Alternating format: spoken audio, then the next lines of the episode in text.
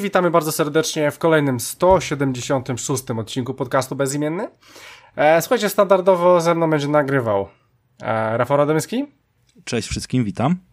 E, ja mam na imię Christian Kender i będzie z nami również dzisiaj gościnnie Wojtek Kocjan. Cześć, witam serdecznie. E, po latach tak, wyciszenia. Po, po roku, po no może być. E, słuchajcie, Michał sobie robi z, e, przerwę, powiedział, że w sumie wkręcił się w jakiś serial znowu i powiedział, że i tak nic nie ogrywa, więc woli sobie kontynuować. E, chyba Jezioro Marzeń wjechało na Netflixa ostatnio. To chyba o to chodziło, no on za młody, żeby pamiętać oryginał.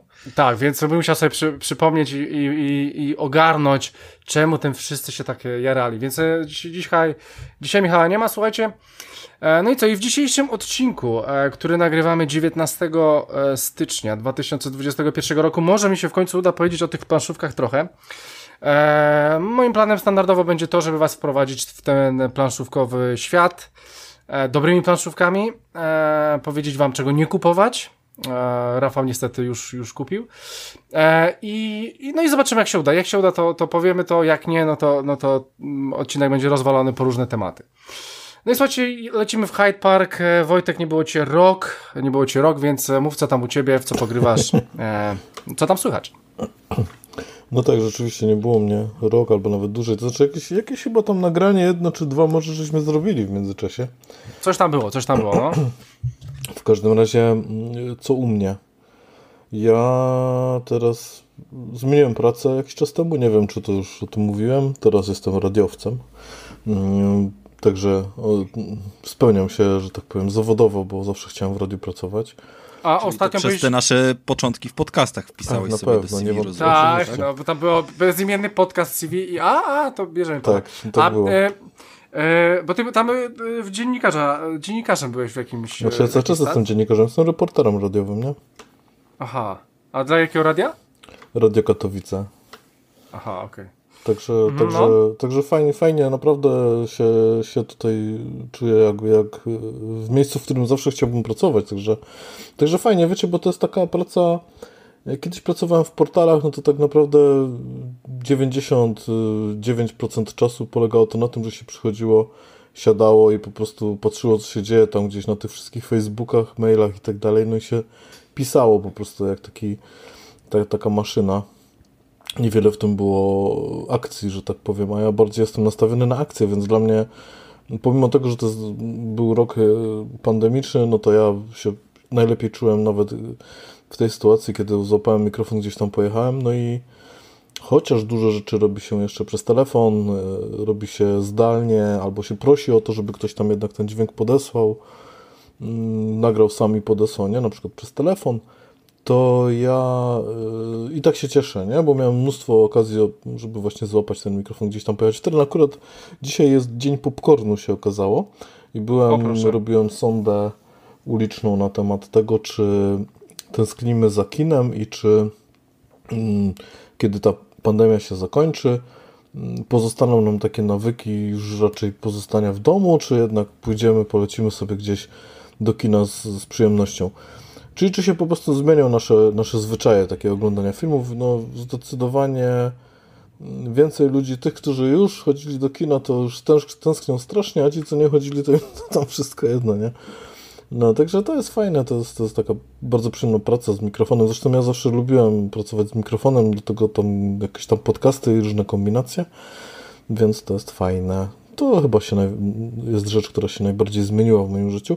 No a tak poza tym z takich bardziej nerdowych e, rzeczy, takich bardziej mm, już niekoniecznie związanych z pracą, no to, no to generalnie e,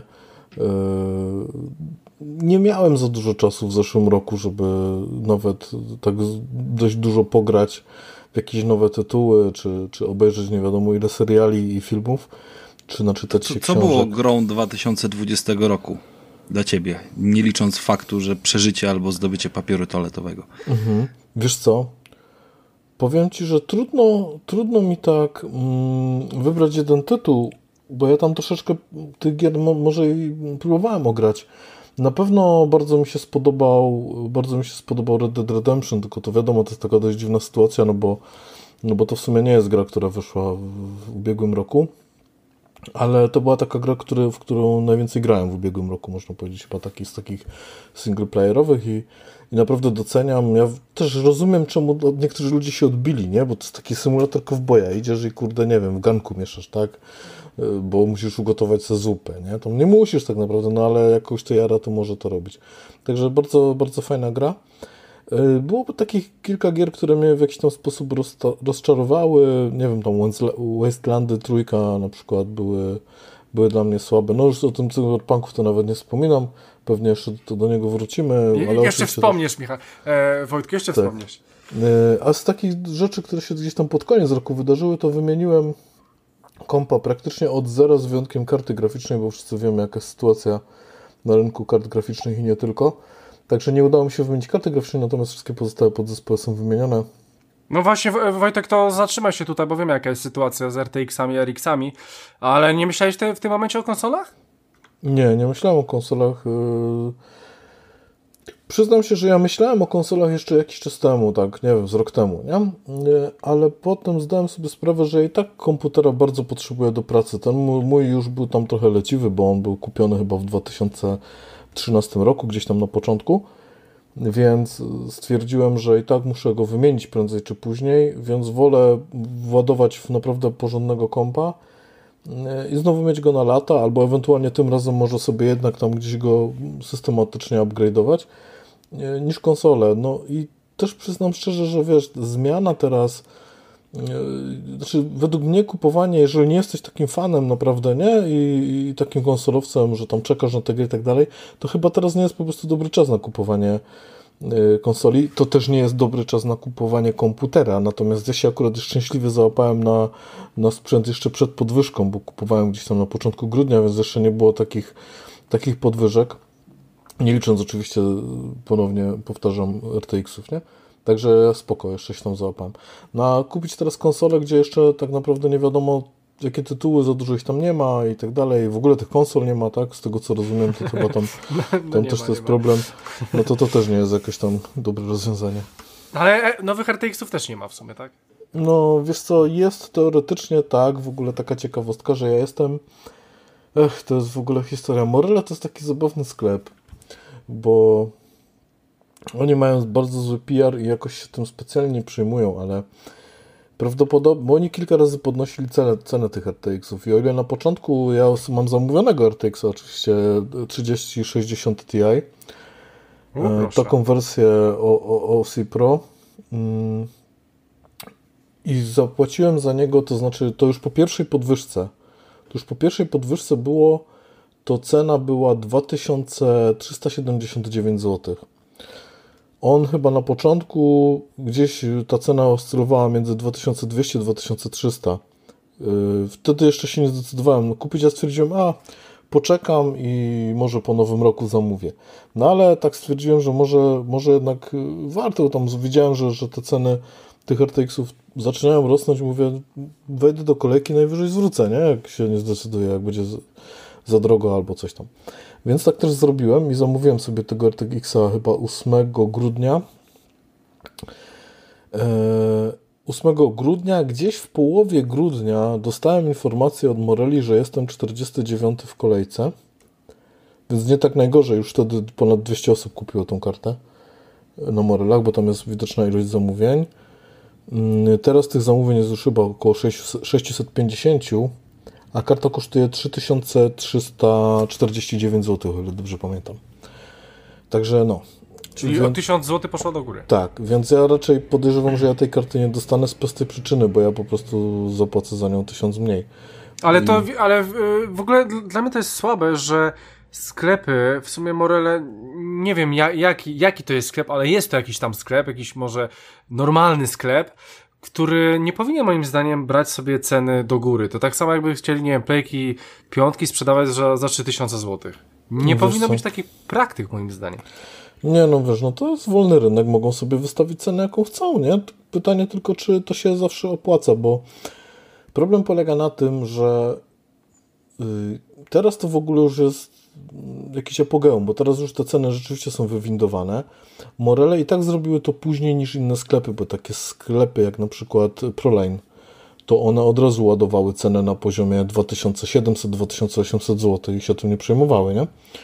E, nawet te gorsze modele potrafiły kosztować tam. Znaczy gorsze, lepsze, no one tam po prostu, różnica teoretycznie powinna być rzędu, nie wiem, maksymalnie 200 zł, a one są, te różnice są rzędu 600-700 zł, w zależności od tego, od jakiego producenta model, nie? Tam sobie zamówisz. Ale generalnie niektóre sklepy zrobiły to już wcześniej.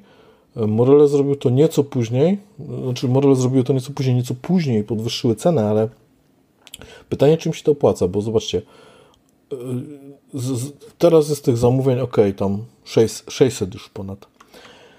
I ludzie, którzy zamówili te karty, oni, nikt nie lubi przepłacać, tak? Nikt nie lubi przepłacać. Oni tych zamówień mają około z tego, co tak, z tego, co widzę po komentarzach, po tych y, zapytaniach, które tam są na stronie sklepu, na stronie produktu y, podane, to ja podejrzewam, że albo jest tak, że oni już w ogóle olali tą kolejkę, oni tam cały czas mówią, że ta kolejka jest, bo to jest jeszcze kluczowe. Oni mówią, że jest kolejka, ale oni ci nie powiedzą teraz już, którym, na którym jesteś miejscu w kolejce, żeby nie robić zamieszania. Bo mówią, że sytuacja jest dynamiczna i, yy, i po prostu nie powiedzą ci, który jesteś w kolejce, bo są zwroty.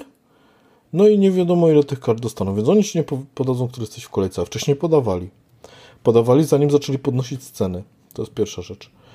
E, druga rzecz jest taka, że e, z tych wszystkich komentarzy, które tam są gdzieś e, w sieci, wynika, że tych kart jednym, tak, tak, na przykład ktoś tam pisze, nie wiem, mówiłem 29, jeszcze nie mam, a jestem ktoś tam w kolejce, bo, kto, bo jakimś cudem się tam dowiedział, nie? Bo to jest tak, że chyba ci konsultanci to wszystkich dotarło, że mają mnie dawać, nie? Ja zawsze się odbijam, ale są takie przecieki, że tam ktoś wie, który jest w kolejce.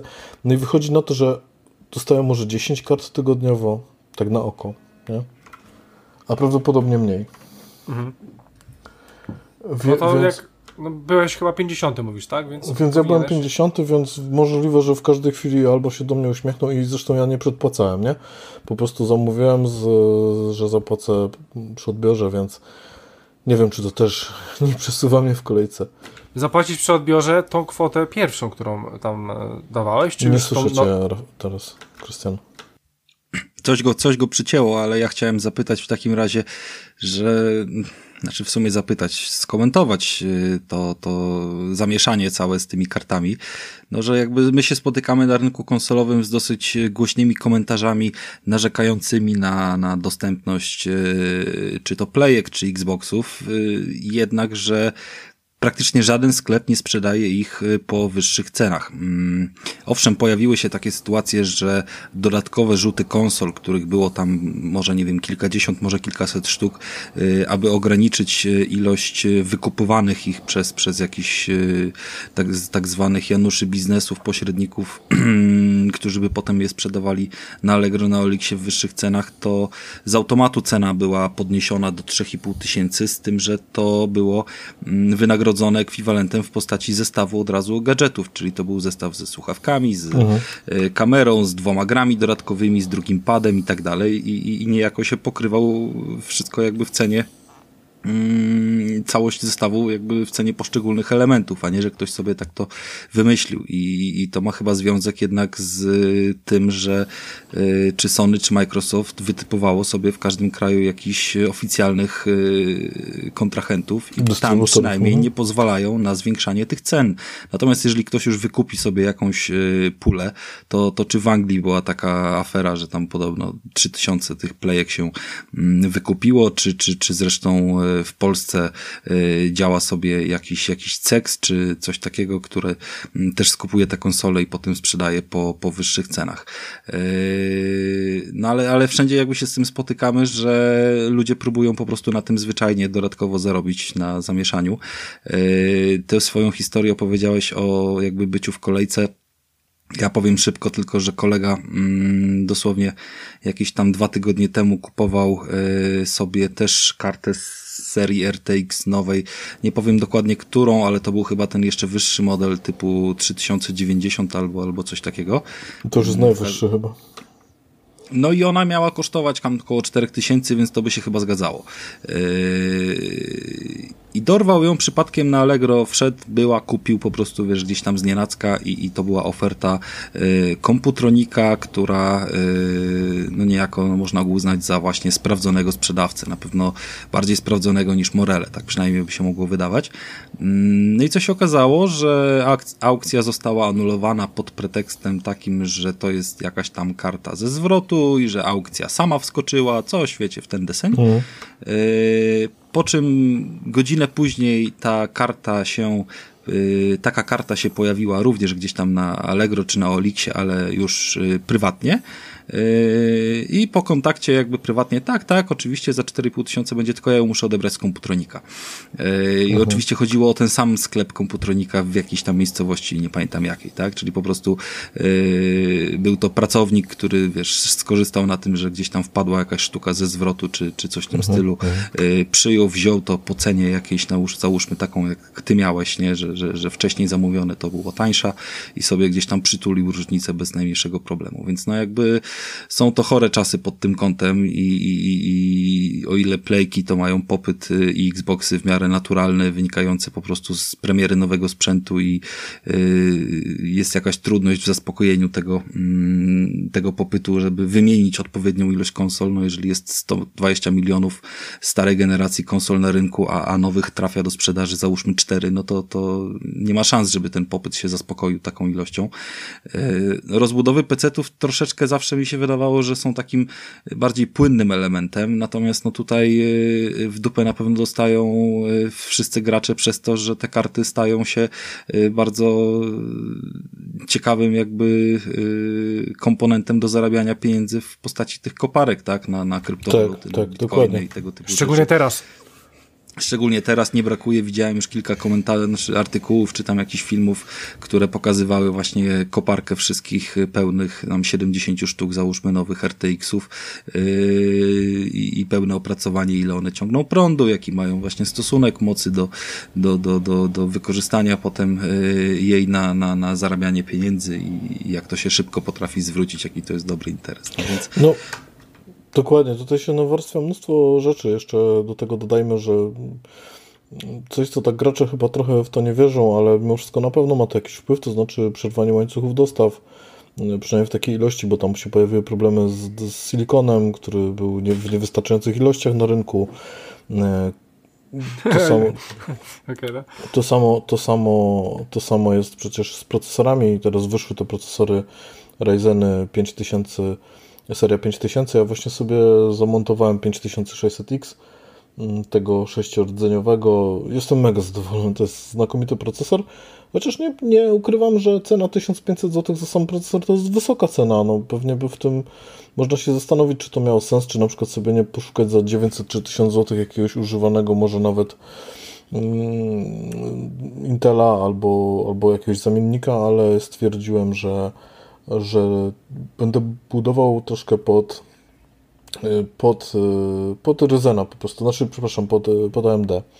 Więc taki był wybór. Potem się okazało, że Intel troszkę mieszam wątki, ale to też jest ciekawostka. Tam się, tam jest ten Smart Access Memory System, który ogłosił AMD jako taką swoją wielką technologię super, która powoduje, że jeżeli masz procesor z AMD i i kartę graficzną z AMD tej nowej serii, to dostajesz takiego boosta do wydajności mniej więcej rzędu od 5 do 13% w zależności od gry. Po prostu one ze sobą dobrze współpracują. Okazało się, że Intel ma to już od wielu lat, tylko to się to nazywa jakoś inaczej, nie pamiętam jak się nazywa ta technologia w Intelu, tylko że tego oni po prostu nie wykorzystywali jakoś tam, nikt na to nie wpadł. I jak AMD to pokazało, to oni stwierdzili, hej, ale my też to mamy przecież, tylko jakoś tak tak tak po prostu to mamy. No i teraz Intel też to już uruchamia, więc, więc to, że ja próbowałem, mówię, aha, jak będę miał procesor z AMD i kartę graficzną z AMD, to jeszcze będę miał dodatkowego boosta wydajnościowego, co jest fajne, no kto nie chce mieć dodatkowego boosta wydajnościowego, nie? No ale się okazało, że tak naprawdę to jest pis na wodę fotomontaż, bo jakbym kupił Intela też bym miał ten efekt. No ale mniejsza z tym, chciałem sobie kupić tego Ryzena, bo to jest naprawdę fajny procesor, także jestem zadowolony. Natomiast wracając do tematu kart graficznych, tam się jeszcze pojawia problem w ogóle y, tego, że mm, skok wydajnościowy między poprzednią generacją kart a tą nową generacją kart jest olbrzymi. Po prostu jest olbrzymi.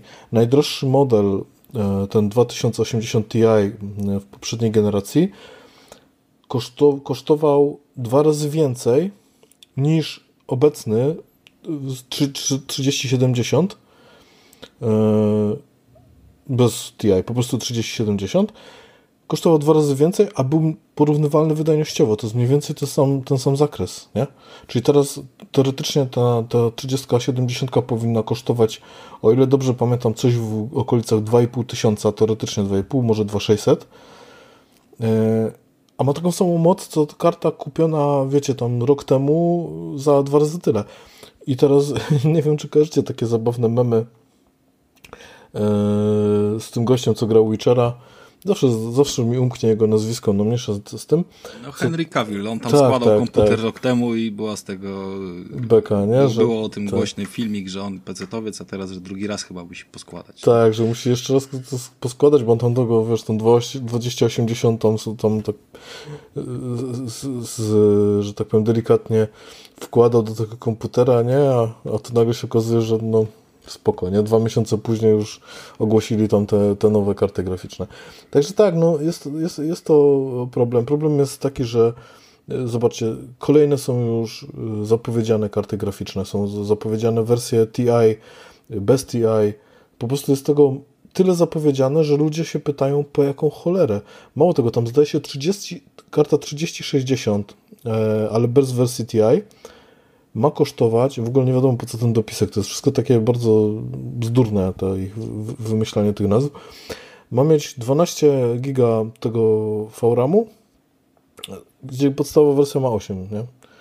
No, to się kupy nie trzyma po prostu, to jest bez sensu, to wygląda tak, jak oni by chcieli na szybko zarzucić rynek różnymi modelami, chociaż i tak nie ma dostępności, to po co? Po co oni się jeszcze bardziej rozdrabniają? Po co robią kolejne jakieś wersje tych kart bardziej okrojone, mniej okrojone, bardziej rozbudowane, z dodaną pamięcią, z odjętą pamięcią, z tymi całymi rdzeniami jakimiś i tak dalej? No to wszystko po prostu się kupy nie trzyma. To wygląda tak, jakby no, no nie ma w tym sensu, po prostu. No nie ma w tym sensu, ale to jeszcze jest pół biedy, bo Nvidia tam jakąś dostępność ma, przecież Radeony w ogóle. Kup Radeona. Czy ktoś w Polsce kupił Radeona? No nie wiem, może pięć osób. Po prostu ich nie ma, nie? To jest papierowa, papierowa premiera. Także problemów jest mnóstwo. To, co ty mówiłeś, koparki to jest raz.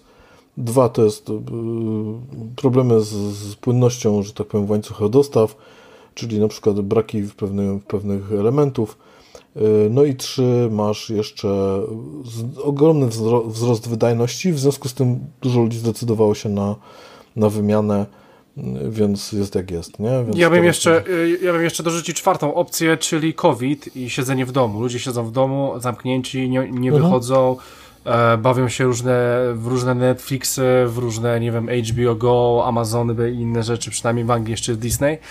E, no i oczywiście ulepszają sobie kompy, kupują sobie kompy, żeby sobie grać, bo teraz wiemy, że w 2020 roku e, gry mają naprawdę ogromny sukces, jeżeli chodzi o, o całą gamę e, gamingową.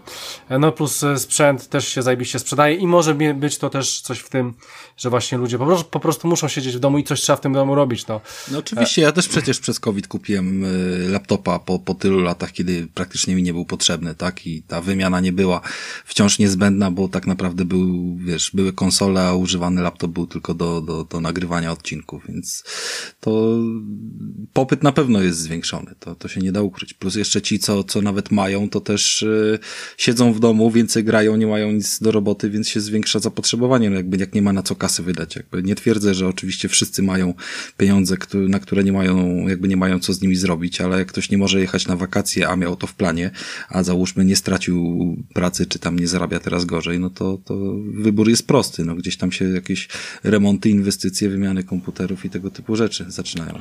Zgadza się, a to też powoduje, że cały rynek generalnie zaczął wariować i wszystkie ceny poszły w górę. No ja mówię, ja kupowałem komputer na początku grudnia ja jeszcze miałem niesamowitego farta. W ogóle z procesorem to też jest taka ciekawa historia, bo ja go próbowałem kupić i widziałem już, że te ceny troszkę zaczęły wariować, bo tam on miał 1499 zł kosztować.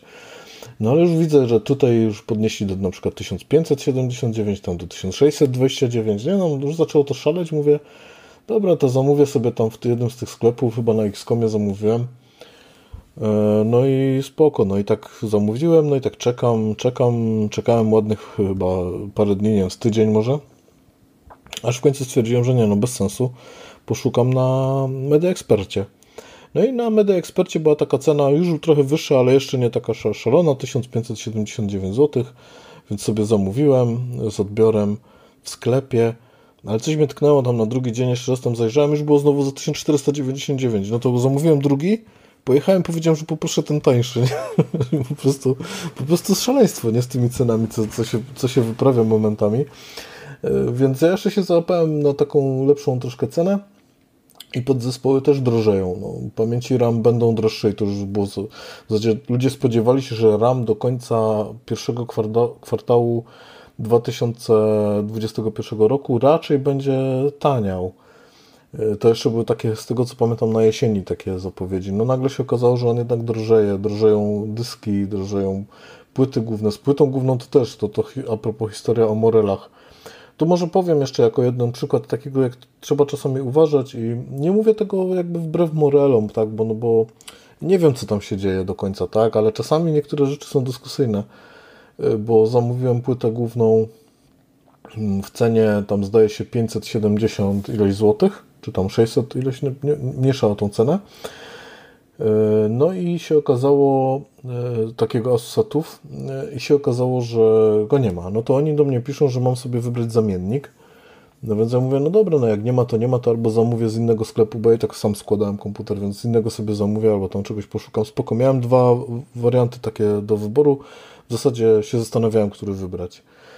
No i się okazało, że jest ta płyta główna, tylko że jest tam o 50 czy 70 zł drożej. No to mówię, no to przecież macie tą płytę. No ale tak, ale, ale to co, zamienić ją panu? Ja mówię, no tylko, że pan dopłaci, nie?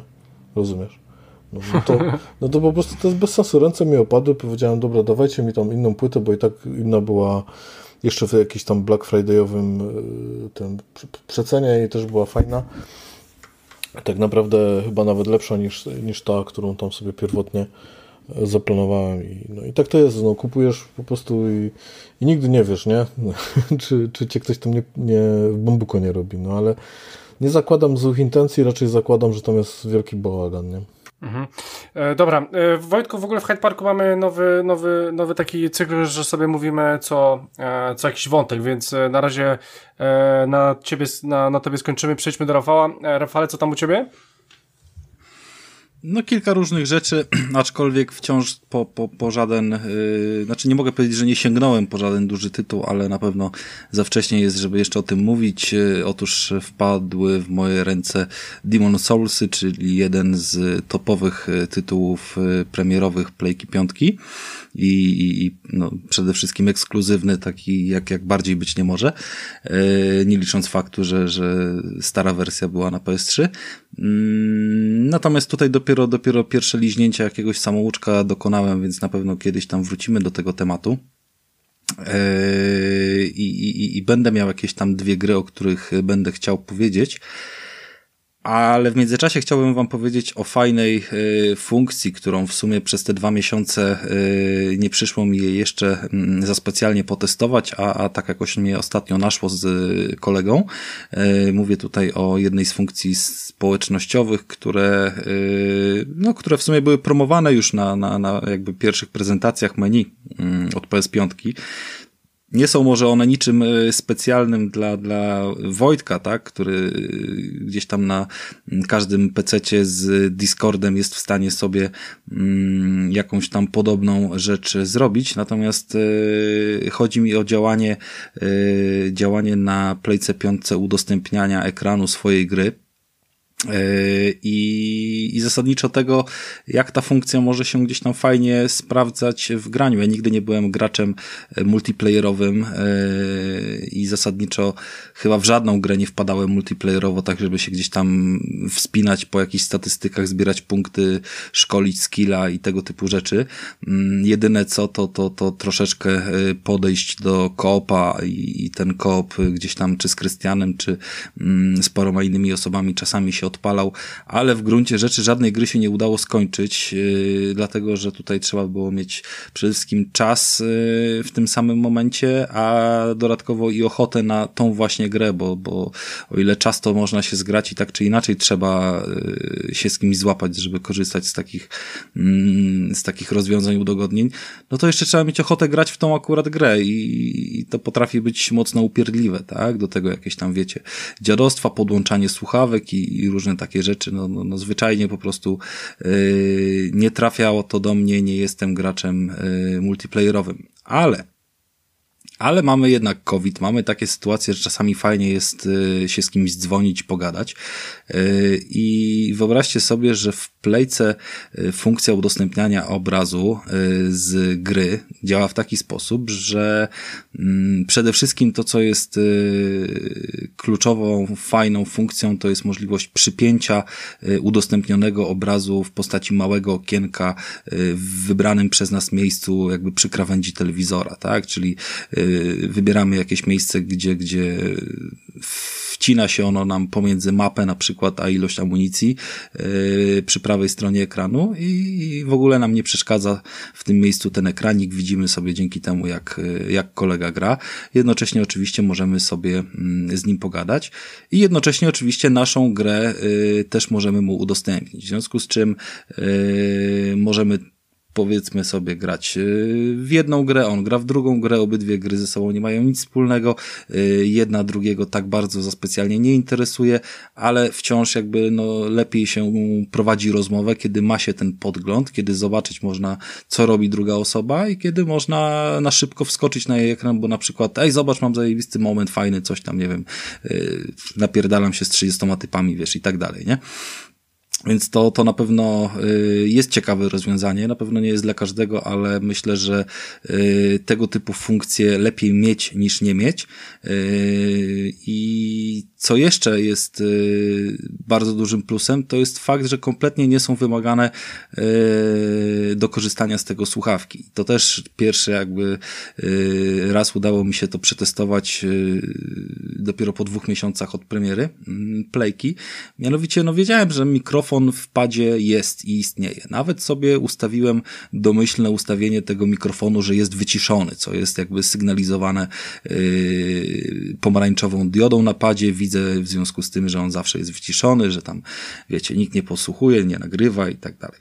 No i kiedy włączyłem ten mikrofon, bo nie chciało mi się jeszcze iść od razu po słuchawki, no to byłem przekonany, że, że oczywiście będzie mnie słychać. E, wiem, że zresztą ten mikrofon do różnych tam funkcji można wykorzystać, e, dograć sobie komentarz do jakiegoś swojego nagrania i tego typu rzeczy, e, czy nagrać po prostu wiadomość głosową, żeby się nie bawić z tą, wiecie, podpinaną klawiaturką.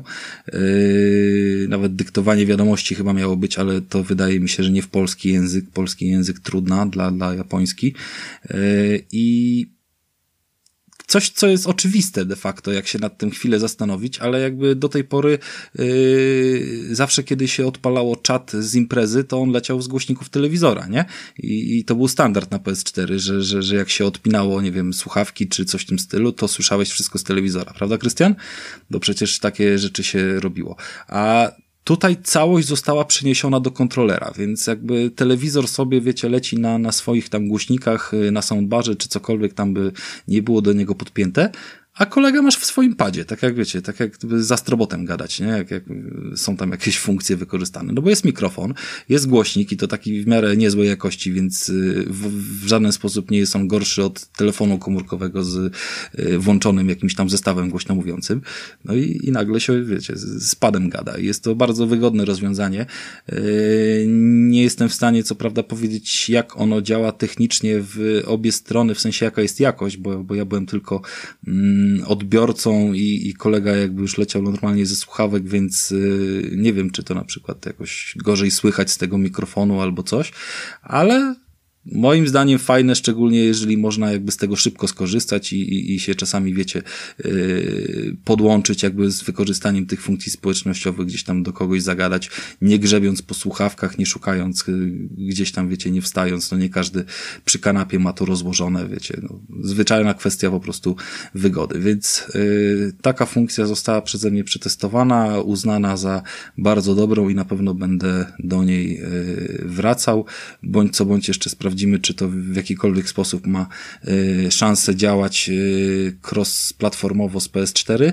To, to też jest taki plan, ale myślę, że jakby baza tutaj ludzi posiadających PS5, z którymi się będzie miało ochotę czasami pogadać, będzie rosła. I myślę, że częściej będę miał ochotę w ten sposób sobie z kimś y, pogadać, ale niekoniecznie grać w to samo, niż się tam upierać na, na jakiegoś koopa, bo, bo, bo jednak koop jest dla mnie najlepszy na kanapie, jak się siedzi obok siebie i tutaj raczej zdania nie zmienię, no jako wychowanek lat 90. No tak, ale powiem Ci, pierwsza rzecz, którą sobie pomyślałem, że to jest świetna baza do tego, żeby to jakoś rozwinąć, bo bo to też ten rok covidowy to jest taki akcelerator pewnych, pewnych Ależ trendów. oczywiście, to, to, to jest pierwsza rzecz, która mi, wiesz, jakby przyszła do głowy, że to jest świetna rzecz jakby na spędzanie czasu razem, bo, bo tak jak normalnie, wiesz, gram sobie w jakąś platformówkę, w której fabuła sieje i nie ma żadnego znaczenia, to w ogóle mi nie przeszkadza, żeby, wiesz, gdzieś tam się z kimś połączyć i zobaczyć, jak on na przykład tak. sobie radzi w Spidermana, którego ja mam już zaliczonego.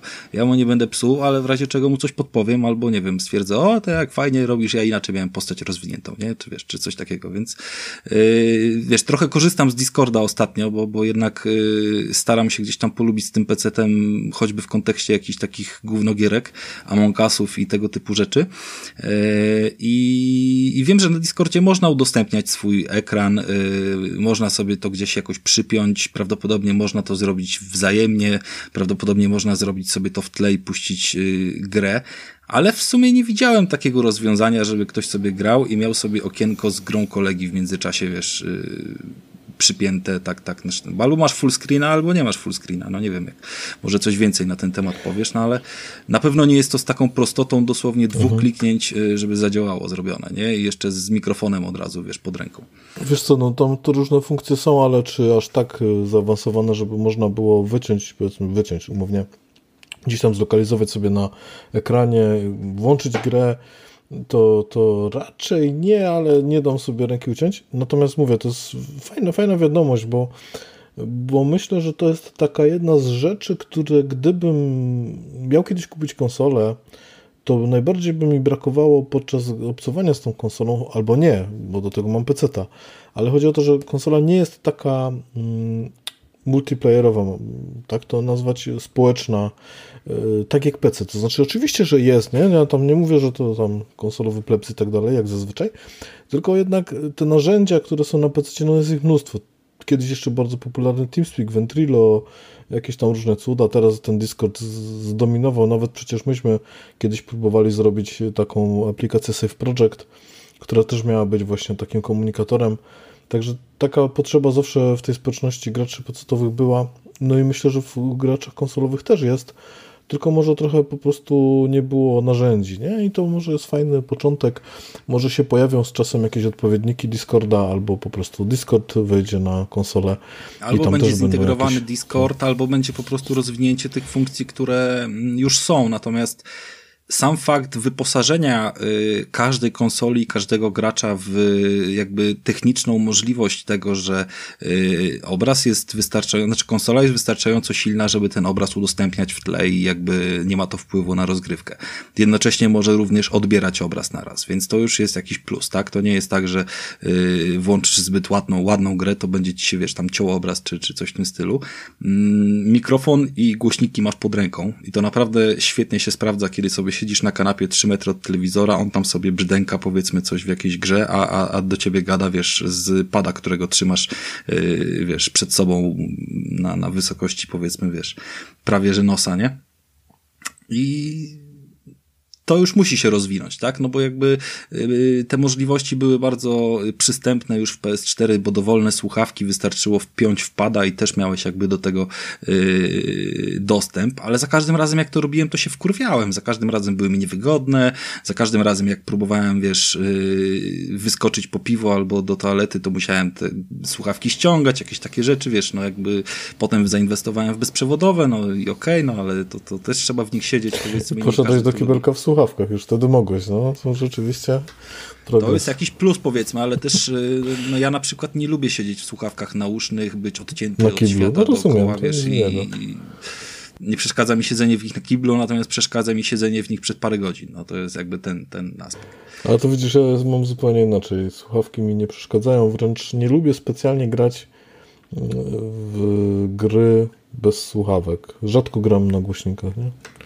No bo ty słyszysz klikanie myszki, dlatego e, lepiej No to jest też kwestia, że ty słyszysz klikanie i klawiaturę tak jak ja słyszę pada od Xboxa. No to Okej, okay, dobra. Zna, znam e, cię. Ko kończę tego pierdolenia. Dobra, słuchajcie, to teraz może ja w takim razie, ja dużo nie powiem, bo e, w sumie ogrywam gry, które, które, e, które po prostu e, są bardzo czasochłonne, czyli dalej walczę w Jakuzę, jest świetna. Like a Dragon, e, bardzo świetna historia, o czym kiedyś jeszcze powiem, e, na razie jeszcze nie jestem gotowy, no i oczywiście słuchajcie Appalachia, cały czas chodzę sobie e, po Appalachii, czyli gram w Fallouta 76, naprawdę gra się zajebiście zmieniła, doszły te wszystkie NPC, cały czas polepszają coś, są sezony, gra się w to świetnie, mam swojego kampa, ludzie chodzą do mojego kampa, sprzedaję w tym kampie różne rzeczy, buduję sobie tego kampa, no jest kurde, no jest to, jest zajebiście, gram jeszcze z dziewczyną, E, jest, jest po prostu mega. E, I powiem wam, że no kurczę, no jak lubicie tego Fallouta, to proponuję wrócić, e, wrócić do niego, zobaczyć co się zmieniło. Jeżeli twierdziliście, że było kupą, to teraz już nie jest kupą, spokojnie można wrócić. Ostatnio była właśnie ta aktualizacja. Jak najbardziej polecam i spytam się od razu też Wojtka. Wojtku, myślałeś może teraz o tym Game Passie od Xboxa? E, zaraz odpowiem na to pytanie, ale jeszcze takie jedno słowo wtrącenia do Fallouta 76. E, tam no. problemem jest nie tylko to, że on był zabugowany, tylko problemem jest to, że on jest mało falloutowy. Wiesz, i to bardzo wielu graczy od odstręczyło, bo... Znaczy, na początku może był, to, to faktycznie. Przede wszystkim był pusty, tam, tam nic nie było. Nie, nie, ale... chodzi, mi raczej, chodzi mi raczej o klimat, o... ale wiesz, ja nie, znaczy... mówię, ja nie mówię jak jest, bo ja nie grałem w niego, Aha. tylko z tego co wiem, największym zarzutem do niego to nie były nawet te błędy, których tam było miliard, tylko trochę tak jak z Cyberpunkiem, no, znowu ten Cyberpunk no, się tu wkrada. Do tego wrócimy, Wojtku, nie, bez spoilerów. No nie, jasne, ale chodzi, chodzi mi tylko o to, że tam nie tylko problemem jest same funkcjonowanie gry, ale też jak ona jest zrobiona na poziomie tam designu, powiedzmy. Nie? No dobra, więc e, no, to, to, to, to, to może przedstawię Ci pewien argument, który był, a się zmienił na plus, że e, nie wiem, czy pamiętacie, w Falloutach e, mieliście NPC-ów, z którymi mieliście rozmowy, z którymi mogliście wykorzystywać w trakcie rozmowy siła plus 8, percepcja plus 7, inteligencja plus 11. I były tego typu rozmowy. W Falloutie 76 czegoś takiego nie było, bo nie było tych NPC-ów, były jakieś roboty, no i ogólnie to nie działało. powprowadzali ten NPC i ten mechanizm tej rozmowy, który, który nie wygląda tak dobrze jak w Falloutie 4, nie, nie, nie, ale już jakoś tam się przedstawia. Eee, no, no za, zaczyna to działać i, i, działa to w miarę okej, okay, więc y, tych mechanizmów do końca nie ma. Trzeba też brać pod uwagę, że jednak to jest multiplayer, gra nastawiona na multiplayera, więc to jest troszeczkę co innego. Ma bardzo fajny endgame, tam jest naprawdę e, dużo fajnych rzeczy e, i jest ogólnie co robić. No i ma przede wszystkim rewelacyjną ścieżkę dźwiękową. Wrzucam sobie radio e, Appalachii i jest, jest po prostu sztos e, muzyka lat 50., 60. w klimacie falloutowym.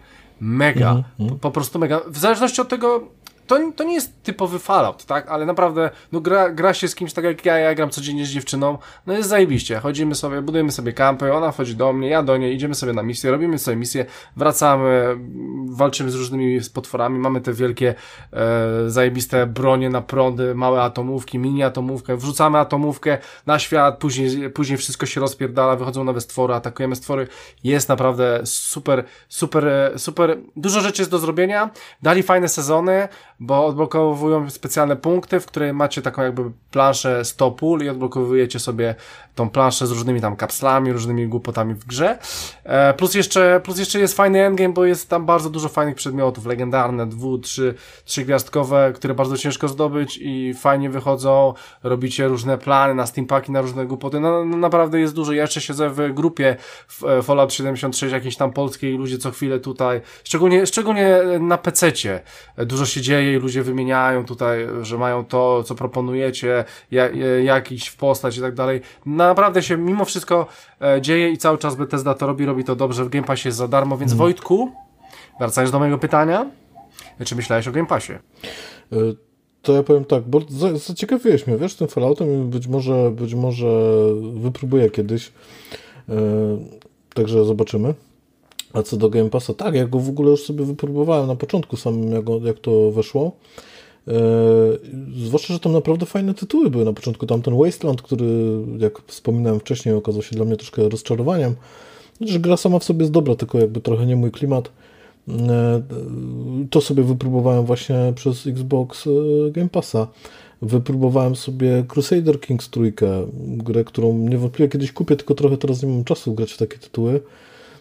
Ale, ale tak, tak, to jest, to jest super sprawa. Rezydenta, tego Resident Evil'a sobie też e, przetestowałem. Nie ukończyłem go w końcu. e, Nie wiem, czemu go nie ukończyłem. Zapowiadał się fajnie, ale jakoś za dużo tam było tych tytułów. I pograliśmy w ogóle w Sea of Thieves ze znajomymi tutaj z Nerdomancera. Także, także tak, tak, wypróbowałem i przyznam szczerze, że to jest bardzo fajna oferta. I nawet tak rozmawiając y, tam z, z moją piękną jakiś Czyli, czyli, czyli, czyli poczekaj Wojtek, czyli na PC jest już dosyć atrakcyjna ta oferta, twoim zdaniem. Według mnie tak, tak. Ona jest dość. Znaczy, na początku w ogóle była promocja, taka całkiem fajna, bo chyba za 5 zł tam można było sobie na Tak. miesiąc wypróbować. 4 przez 3 miesiące za 12 zł chyba w sumie. Coś takiego. Później tam ta cena trochę wzrosła, ale ona nadal wzrosła do takiej rozsądnej, rozsądnej kwoty i moja pierwsza myśl to była taka, może zrezygnować z Humble Bundle. Bo w Humble Bundle fakt, że o nie, jeszcze jedną grę przeszedłem ostatnio, bardzo fajną, mogę potem opowiedzieć, yy, ze Wktulu. No, ale w, właśnie w Humble Bundle czasami wpadają fajne tytuły, ale ja już któryś tam miesiąc pauzuję tą subskrypcję, bo no bo tam powiedzmy coś tam, albo już mam te gry, albo niekoniecznie mój klimat. Yy, No ale, ale ten Xbox Game Pass ma też wady takie, że na przykład dzisiaj ta gra jest za miesiąc może i nie być, nie? Ale bardzo, bardzo rzadko tak jest i na ogół tak e, nie ma. Był tak problem tylko i wyłącznie z GTA 5 i z Red Dead Redemption. Ewentualnie jeszcze z Division było, ale ogólnie te tytuły, które wchodzą, e, to raczej zostaną i, właśnie chciałbym zainteresować Znaczy, tym... Krystian, umówmy się, y, każdy z tych tytułów zostaje dłużej, ale i też Dłużej. To są wyjątki od reguły. tak? No. Chodzi z tego, nie chodzi o to, jak długo ta gra jest w Game Passie po tym, jak wpadnie, tylko no jakby kiedy zaczynasz. To, że dzisiaj mm, patrzysz na listę Game Passa, Wojtek nie ma Game Passa, patrzy i mówi, o, w to i to i to bym zagrał, to nie ma żadnej gwarancji, że za dwa tygodnie się nie dowie, że akurat y, dwie z tych pięciu gier, które go interesują, wypadną, tak? To jakby na to nie masz gwarancji, chyba, że są to gry, które powiedzmy dopiero co weszły, no to ma jakiś sens, powiedzmy, założenie, że dłużej tutaj y, posiedzą, a, ale to jest prawda, no jakby nie zawsze masz y, ochotę grać w jakąś grę teraz, szczególnie jak masz tonę innych rzeczy. I, i, i ja się tak przejechałem na Tomb Raiderze, w połowie musiałem go oddać jakby do wypożyczalni Game Passowej, bo nie zdążyłem go przejść, i teraz jestem w kropce, bo mam nowego Tomb Raidera, znaczy, dobra, mam na PC-cie od, od yy, gdzieś tam z, chyba nawet, chyba nawet od Wojtka. Yy, ale na, ale na PC. Pozdrawiamy Wojtka. Tak, ale na PC jakby to, to w ogóle, wiesz, inne gry mnie interesują. Yy, mam teraz na Playce, bo wpadł yy, w tak zwanej sylwestrowej promocji PS Plusa na styczeń, żeby coś pograć w Sylwestra. No i spoko, przynajmniej nie spierdoli z tego plusa, ale połowę gry przeszedłem. Nie chce mi się jej robić, bo to tak jakbym stracił save'a, wiesz, jakby kiedy, kiedy pół gry miałem zaliczone i muszę jeszcze raz przez nią przebrnąć. Co prawda chuja z niej pamiętam i jakby, wiesz, myślę, że to by było w większości nowe doświadczenie, ale, ale też wiem, że to jest jakaś tam strata czasu, nie? Jakby, jeżeli No nie tak, zakładasz, że to jest jakaś taka zajebista gra, że chcesz w nią grać kilka razy. No GTA przeszedłem trzy razy, no to jakby inny, inny Ale temat, e, Rafał, no dla, dla twojego przykładu mogę ci powiedzieć, że oba miałem zainstalowane Tomb Raidery i żadnego nie odpaliłem. a ja już nie mówię ile mam teraz e, zainstalowane gier na Xboxa. E, faktem jest, że, że, że to tak mniej więcej działa, a tym bardziej, szczególnie kiedy opuszczasz gry, to ciężko jest do nich wrócić, szczególnie jak ją rozdrapiesz do połowy. Ja Mhm. jestem ciekaw, kiedy do The Last of Us wrócisz e, i, i przypomnij się, kiedy wrócisz i powiedz mi, jaką przerwę miałeś. E, Już bo, ci mówię, kiedy wrócę. Jak patch wejdzie, bo jest zapowiedziany i... no to ja czyli się- co, pół, pół roku, rok? No to Nie, no myślę, sorry, że no nie. To, Myślę, myślę, że on wyjdzie szybko, bo Tsushima już Ale dostała tego to będą- i, i za chwilę będzie gdzieś tam, wiesz, yy, liczę na to, że, że wpadnie ten kolejny. Yy, powiem ci tak, jedynkę The Last of Us dokończyłem po czterech latach. O, widzisz jaka przerwa. gry, Widzisz jaka ale, przerwa. ale wszedłem w połowę gry i dokończyłem ją w najlepszy możliwy sposób w wersji dopasionej, wiesz, chodzącej w 60 klatkach na, na, na jakiejś tam dynamicznej rozdzielczości powyżej Full HD y, 1800 czy coś w tym stylu i byłem no mega zajerany, tak? W dwójce przeszedłem to, co chciałem, żeby zobaczyć, jak ta gra wygląda, jakiś prolog, pierwsze 10 godzin gry czy, czy ileś. Wiem, bo mnie wszyscy ostrzegali, ile czasu jeszcze tam, co będzie potem, że ciężko jest zagrać w jedynkę i dwójkę od razu potem, bo jednak te mechaniki są dosyć nużące i, i, i powtarzalne, więc, więc dlatego jakby wrócę do tego później, ale uwierz mi, że ja nie mam z tym problemu, jakby wiem, że do Fallouta nigdy nie wrócę czwórki, bo, bo zwyczajnie to nie jest jakby mój gameplay. Yy, Raczej nie wrócę do Skyrima, którego też zostawiłem w jakiejś tam rozgrzebanej połowie i, i tak dalej, bo to już jest, y, wiesz, zbyt mocna przeszłość żeby mi się to chciało odkopywać, ale The Last of Us taką przyszłością nie będzie. Death Stranding też taką przyszłością nie będzie. Ostatnio odkopałem i, i parę godzin spędziłem w tej grze od tamtego czasu, więc no jakby ja przede wszystkim sobie cenię wybór i, i, i jakby pokaźna kolekcja y, gier, którą cały czas jakoś staram się w miarę rozsądnie rozbudowywać, jakieś tam łapać promocje, tudzież jakieś używki, żeby nie, wiesz, nie wydać 350 zł na jedną grę, tylko powiedzmy mieć 5 gier za tą cenę albo, albo chociaż 3. I Albo chociaż jedną, no, no znaczy właśnie zamiast jednej, żeby mieć chociaż trzy, no przecież Aha, wiesz, okej, dobra, znasz no, mnie, że ja porządku, nigdy tak, 350 nie, no za nie. jedną grę nie dałem, Nie. nie, licząc oczywiście Ring Jeszcze. Fita, tak? E, tak, e, ja, jeszcze, jeszcze Wojtku chciałem Ci powiedzieć jedną rzecz, że masz e, super sprawę, bo e, bierz pod uwagę, że te ekskluzywy wszystkie od Microsoftu będą wchodziły w dniu premiery i tak ja teraz 28 w Wszystkie Passie... trzy. E, słucham? Wszystkie trzy w tym roku. E, albo będzie ich więcej. Chociaż, chociaż, nie, no będzie więcej, nie gadaj Rafał. Faktem jest, że widzisz 28 stycznia wchodzi Medium, czyli ta po- polska gra horror od Blobber, e, Blobber Team bodajże i później e, i fajnie na przykład teraz Desperados 3 wjeżdża e, za darmo. E, dwójkę, No no tak. przeszedłem. E, fa fajne właśnie jest to, że, że wiesz, to Halo ci wiedzie w tym roku za darmo na dniu premiery, czy jakaś tam Forza w przyszłości, czy jakiś Fable, czy inne Ale rzeczy. oczywiście, oczywiście. E, no więc, więc, więc to jest ogólnie fajne, no. Właśnie, to, to, to, to jest świetne. Tylko tak, ja lubię mieć gry na własność. Ja wiem, że one już teraz w ogóle nie są na własność, Boże, bo nie ma tak. czegoś takiego jak gra na własność. Ale y, ja lubię, jak mam jakąś grę, ona mi się podoba, to ja bym sobie ją nawet kupił, nie? I to jest świetny sposób, żeby wypróbować pewne gry, bo ja sobie kilka gier tam po, po, pobrałem, odpaliłem i na przykład, o, Crusader Kings trójka, świetne, na pewno kupię. Tylko jak Ale, ale czas, tak? grałeś? Grałeś w tego Crusader Kings? Tak, tak, tak, odpaliłem sobie, pograłem, nie? Pograłem sobie, chciałem, tylko je- jednej rzeczy chyba tam nie, nie ograłem, tam jest teraz ta taktyczna gra z Gear of Wars, nie? To... Tactics. To, No, Gears Gears Tactics, Tactics. tak. Gears też Tactics, no. Chciałem, chciałem w to pograć jakoś, potem, potem y, zapomniałem o tym, ale, ale to była świetna okazja, żeby sobie to wypróbować i, i tak naprawdę, no, to jest dla mnie świetna sprawa. Jeszcze teraz nie, nie zapominajmy, że tam EA Play będzie w ramach abonamentu, chyba Już jeszcze jest, nie ma. już jest, już jest, już dawno jest. Jest na konsolach, nie ma jeszcze na PC-tach, więc macie Mhm. obydwaj rację. A, na Tak, PC-tach tak. ma się pojawić zaraz, no. Z jakimś opóźnieniem tam to, Tak, bo to miało tak, być w tak. grudniu.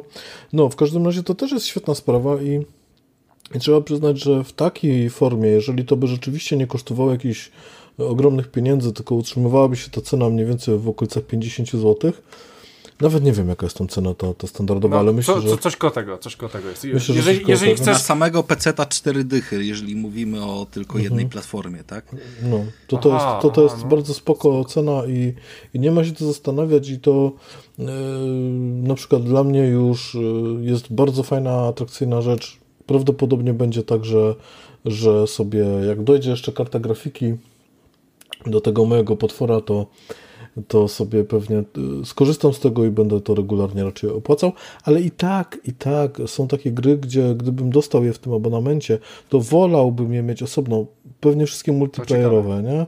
Bo taka gra singlowa, gdzie tam sobie ją przejdę i zapomnę, spoko. No, ale są takie, które nie wiem, to jest gdzieś tam na poziomie takim chyba psy, psychicznym, gdzieś tam w głębi No mojego tak. graczowego tak, bo- serca, że bym chciał tą grę mieć po prostu w mojej bibliotece Steam to jest moja i ja tam nie muszę płacić, tylko ona jest tu, chcę to zainstaluję i, i ją mam. Ale, ale do wypróbowania świetne, do ogrania takich krótszych, na przykład miałem okazję pograć też w Long, Long Dark. To jest taka gra, która, który troszkę zawsze było mi szkoda kasy na nią, bo ona nie jest taka ja znam siebie, wiem, żebym się odbił szybko, żebym nam trochę pograł, bo to jest taki survival, mm, żebym nam trochę pograł i, i olał i dokładnie tak się stało. Pograłem sobie tyle, ile chciałem. Yy, Nie pociągnęło mnie to tak, żebym tam teraz dalej jakoś eksplorował maksymalnie, ale pozwoliło mi to przetestować tą grę. Nie, nie musiałem jej kupować tam za te 70 czy 50 zł. Miałem to już w tym abonamencie. Nie? Super sprawa. No ja polecam. Polecam, bo, bo zaskoczyło mnie to, że tak mnoga oferta, taka pełna, a jeszcze do tego ten EA Play, jak tam wjedzie, to już w ogóle będzie super i wtedy, wtedy hulaj dusza piekła nie ma. A nie jest to taki duży pieniądz, żeby, żeby to jakoś bardzo uderzało po kieszeni, tym bardziej, że i tak opłacam jakieś różne dziadostwa, tak? Tu Netflix, ja wiem, że tego jest dużo, tak? Tu Jest Netflix, teraz, jest Spotify, masakra, jest masakra. tak, jeszcze za niedługo pewnie sobie tego YouTube Premium, bo to już się nie da kurde nic zobaczyć, żeby 40 reklam nie, nie, nie, nie, nie, nie wyskoczyło. Do tego Humble Bundle, do tego teraz jeszcze Xbox e, Game Pass i różne cuda i po prostu, a jeszcze jak ktoś e, używa na przykład, nie wiem, Microsoft Office'a, to nagle się okazuje, że pół wypłaty idzie na jakieś różne abonamenty, to może trochę to jest już przesada. No ale taki dzisiaj mamy rynek, że dzisiaj mamy rynek raczej usług, nie? Że po prostu my korzystamy z różnych usług i za nie płacimy. Okej. E, Dobra, słuchajcie, przejdźmy dalej. Wojtek już był, e, więc będzie później. E, Rafale, co tam jeszcze masz? Mm, Myślę, że to jest y, dobry moment, żebym też powiedział o jednej grze, bo w sumie jeszcze o żadnej grze porządnie dzisiaj nie powiedzieliśmy. E, zacznę od takiego jeszcze nawiązania do tego, co, co mówił Wojtek, bo to jest y, właśnie przejście z jednego tematu do drugi. Mm, Wczoraj, y, wczoraj chciałem właśnie przy okazji tego wspólnego gierkowania z kolegą po, pokazać mu i polecić grę, o której zaraz powiem, która mówi o takim rudym lisku i, i ta gra jest jakby z samego swojego założenia jakąś tam y, historią, mm, powiedzmy, że pierwsze takie skojarzenie y, przywodzi na myśl podróż, czyli Journey, które jeszcze gdzieś tam chyba pamięta PS3, mm, jeśli przynajmniej ja to pamiętam dobrze. Y, I, I on mi właśnie taką samą grę chciał gdzieś tam zareklamować, że jest super baśniowa, że w ogóle niesamowity klimat i tak dalej. Y, Rzuca mi tytułem. Ja ten tytuł kojarzę, ja wiem, że Child of Light gdzieś kiedyś widziałem. Czy to było w Game Passie, czy gdzieś, nie wiem. Zacząłem Ja, sprawdzać. ja nawet kupiłem, ja nawet Yy, kupiłem. Game Passa nie ma. Zacząłem sprawdzać bibliotekę, yy, jakby sklep na, na PlayStation, żeby ją kupić, zobaczyć ile kosztuje. Nie ma tej gry. Nie ma jej w sklepie, nie ma w, Microsoftie, nie ma w PlayStation. Jakby troszeczkę wyszedł fuck up. Mówię, okej, może wpadła w jakimś tym Epiku czy coś w tym stylu, więc, mm, więc odpalam peceta i odpalam y, coś takiego jak y, GOG Galaxy który, który jakby jest y, agregatem. Nie wiem, czy zdążyłem o tym powiedzieć na ostatnim odcinku, ale y, nasi tutaj programiści, y, rodacy poniekąd, tak, z Goga, bo to jest polski sklep, dobrze mówię, y, Wojtek? No to jest własność e, CD Projekt, znaczy No, no właśnie, no i oni No, zrobili z, z Goga jakby zwykłego zrobili Goga Galaxy, który pozwala podpiąć się do każdej praktycznie platformy, yy, która, która jakby sprzedaje czy udostępnia gry, wliczając w to yy, również właśnie Game Passa, PlayStation Store, mm, znaczy w sensie PlayStation ID i, i PlayStation Network i, i wszystkie oczywiście te Ubi Connecty, yy, Epic Story i tak dalej, i tak dalej i koliduje jakby wszystko razem ci agreguje, ile masz razem gier, na której platformie ile, jakie masz trofea, co tam jeszcze, ile godzin przegrane, wszystkie te informacje, które jest w stanie z tego wyczytać, to tam wrzuca w jednym miejscu. No i od tego zacząłem swoje poszukiwania, wbijam, patrzę, ja mam tą grę. Jest Child of Light na, na, na PS4 gdzieś tam kupione, widocznie wpadło kiedyś w plusie i faktycznie miałem je w bibliotece, yy, udało się je trafić właśnie dlatego, że yy, ja bym pewnie nigdy do tej gry nie wrócił, gdyby mi ktoś nie polecił, tylko że teraz mi ktoś polecił. I ja tej gry nawet nie mogę kupić, podobnie jak z Forza Horizon trójką, yy, którą kupiłem bądź co bądź na płycie już po tym, jak y, usunę, usunięta została ze sklepu, w myśl jakichś, nie wiem, praw autorskich o muzyce, czy, czy, czy jakiejś licencji, wiecie, inne gówno. I, i zwyczajnie no, musimy mieć to na uwadze, że niektóre gry po prostu znikają, no bo jakby firma się rozwiązuje, która to sprzedaje, nie ma podpisanej już umowy, więc yy, pewnie tam są zapisy mówiące o tym, wiecie, jako regulaminy, że jeżeli ty coś kupiłeś, to masz na to licencję i musi to być na serwerze, żebyś ty mógł pobrać, więc y, bez problemu mi się to Child of Light pobrało i, i działało. Ale jakby nie mógłbym do tego wrócić, gdyby ta gra nie była w cudzysłowie na własność, tak jak mówi Wojtek, więc ja go jakby doskonale rozumiem w, w kontekście mm, nieważne czy to fizycznej czy cyfrowej biblioteki, ale jednak gier kupionych na własność, czy to właśnie Humble Bumble, które dorzuca takie gry też y, po kilka sztuk na stałe do biblioteki, y, bo, bo, bo, zawsze pozwala to potem gdzieś do tej biblioteki wrócić i, i daje niejako y, pewną gwarancję, tak, na to, że, że te gry tam będą czekały. No, Humble Bundle jest, tak naprawdę dostajesz te gry. To nie, nie sobie, to, że ja mam abonament, to polega tylko na tym, że, że po prostu dostaję paczkę kluczy do gier i te gry, gry są już na stałe, nie? One mi nie uciekną. To jest tak, jakbym sobie kupił. Natomiast no właśnie o tym mówię, no o ile ktoś tak. ich nie usunie z serwera, bo tak też się może wydarzyć, nie wiadomo w jaki sposób, ale raczej nie. Bo chyba jeszcze nie było takiej sytuacji, żeby Była gra... jedna, jedna albo dwie, dwa przypadki, powiem Ci, w całej mojej bibliotece jakichś takich gier i to zazwyczaj są naprawdę takie szroty jakieś, że po prostu zostały, zostały z jakiejś tam przyczyny zlikwidowane. Jedną w jakąś, z tego co pamiętam, to była chyba jeden Warhammerowy tytuł, taki, co akurat chciałem w to zagrać, ale niestety z jakiejś przyczyny nie mogę już na Steamie. To, to, to w mojej historii grania to się jest jeden taki przypadek, nie? Od, od kiedy mam Steama, a mam go już kilkanaście lat. No dobra, to ja wrócę w takim razie po tym takim krótkim wstępie i komentarzu do do gierki, która czekała na swoją y, recenzję prawie, że właśnie też od premiery PS5, bo niestety, no, no cóż, nie można jej było postawić jakby w pierwszej kolejności do ogrania, miała, miała po prostu silnych konkurentów. I dobrze się stało, bo, bo przynajmniej po prostu z czystą głową gdzieś tam sobie teraz do niej podszedłem. Yy, jest to, jest to gra mm, Spirit of the North, yy, której yy, klucz wersji Enhanced, czyli właśnie ulepszonej graficznie w jakiś tam sposób do 4K do 60 fps i, i, i dostępnej na PS5 y, załatwił Krystian. Y, liczyłem na to, że wam ją polecę y, jeszcze jak będzie promocja, bo w tym momencie ona na promocji w wersji na PS4 kosztuje ledwie 32 zł, a, a w wersji na PS5 chyba 60 mm, czy tam coś, coś koło tego. Natomiast nawet w cenie jakby pełnej, oryginalnej, czyli coś koło 60-70 zł lub stówkę za wersję na PS5 to nie są dramatyczne pieniądze. Poza tym takie tytuły możemy liczyć na to, że się pojawią y, w plusie lub, y, no bo gier na PS5 wciąż nie ma dużo, więc coś tam jednak do tego plusa będzie musiało być wrzucane, skoro się zarzekli. Yy, lub po prostu, że będzie zaraz kolejna wyprzedaż, bo te wyprzedaże na mm, Estorze są mm, co chwilę i, i pamiętajcie wtedy o takim tytule Spirit of the North. A czym jest ta gra? Przede wszystkim jest to y, takie doświadczenie, które wyłącza nam jakby wszelkie informacje przenoszone drogą jakiegoś y, kokpitu, komunikatów, y, menu czy coś w tym stylu. Po prostu wchodzimy do gry i widzimy sam obraz samego liska, który jest naszą postacią, którym sobie mm, sterujemy. Lisek ma dosyć proste ruchy, może sobie biegać, biegać szybciej lub chodzić wolniej, może skakać, machać ogonem, tudzież szczekać czekać. Yy, I tak naprawdę na tym koniec. I sobie zaczynamy biegać po, tej, po tym terenie, na którym się ubudziliśmy. Yy, jest dużo śniegu, jest to taki jakiś yy, klimat, nie wiem, arktyczny, syberyjski, nordycki, ciężko powiedzieć, bo po prostu są góry, jest śnieg. Wygląda to tak jak śnieg, no jakby za, za, za wiele powiedzmy nie, nie, nie ma tutaj miejsca, żeby to robiło wrażenie. Oczywiście jakieś tam efekty świetlne, bardzo mocno wykorzystany HDR, który szczególnie jakby w, w drugiej połowie gry daje mocno po oczach i, i, i każdy, kto ma sprzęt, który jakby to potrafi uwypuklić, to będzie na pewno przeszczęśliwy i zadowolony, bo, bo, bo efekty są mocno dopieszczone, akurat te HDR-owe.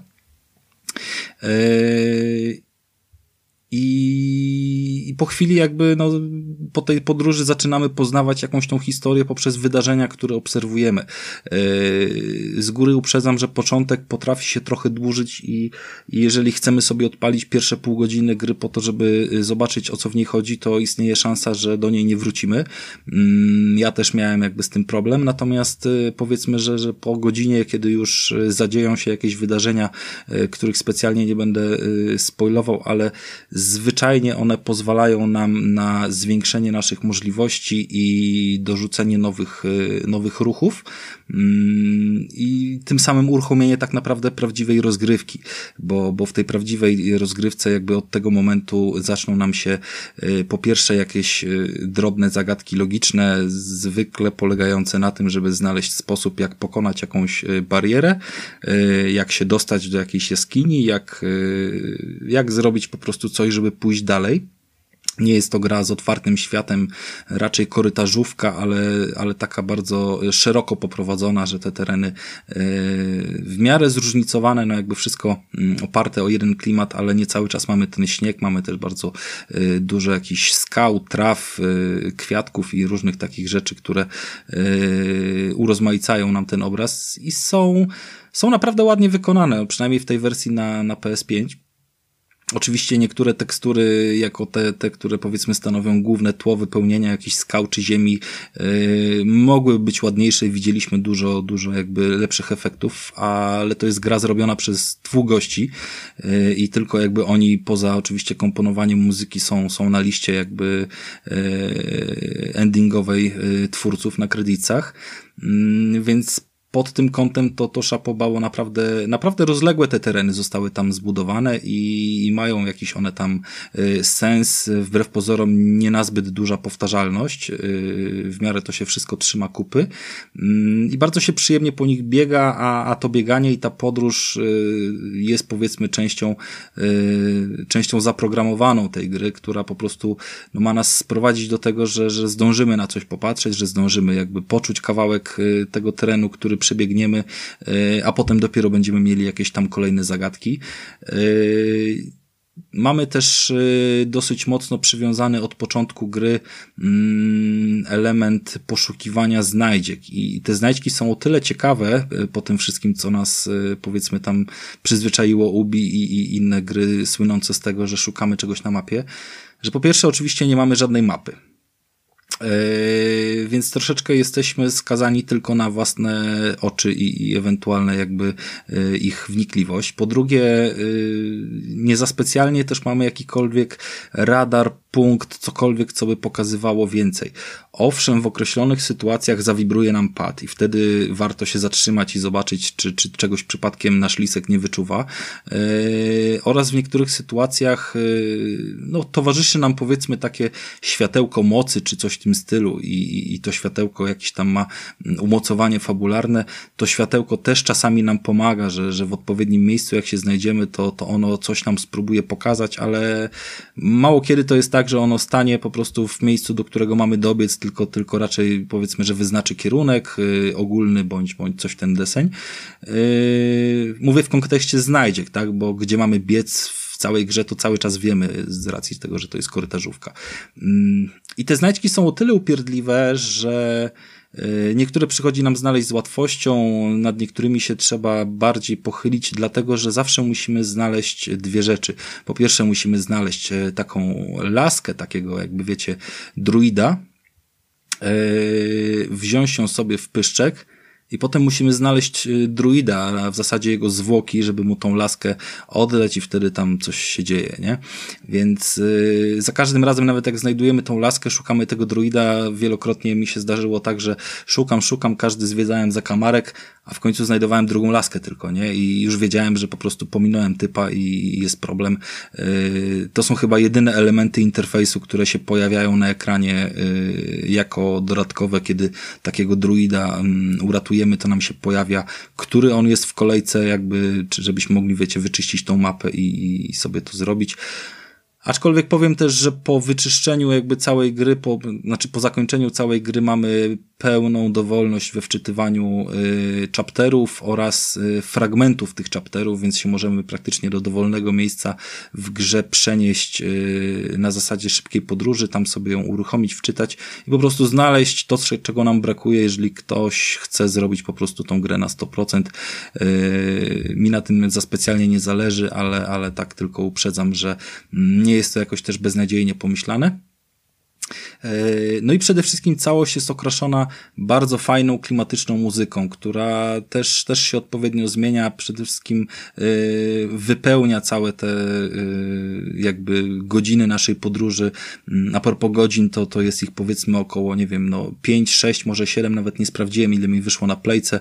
Na, na How Long To Beat chyba jest właśnie coś koło 5, a, a 7, jeżeli chodzi o mm, znalezienie wszystkich tam bonusów.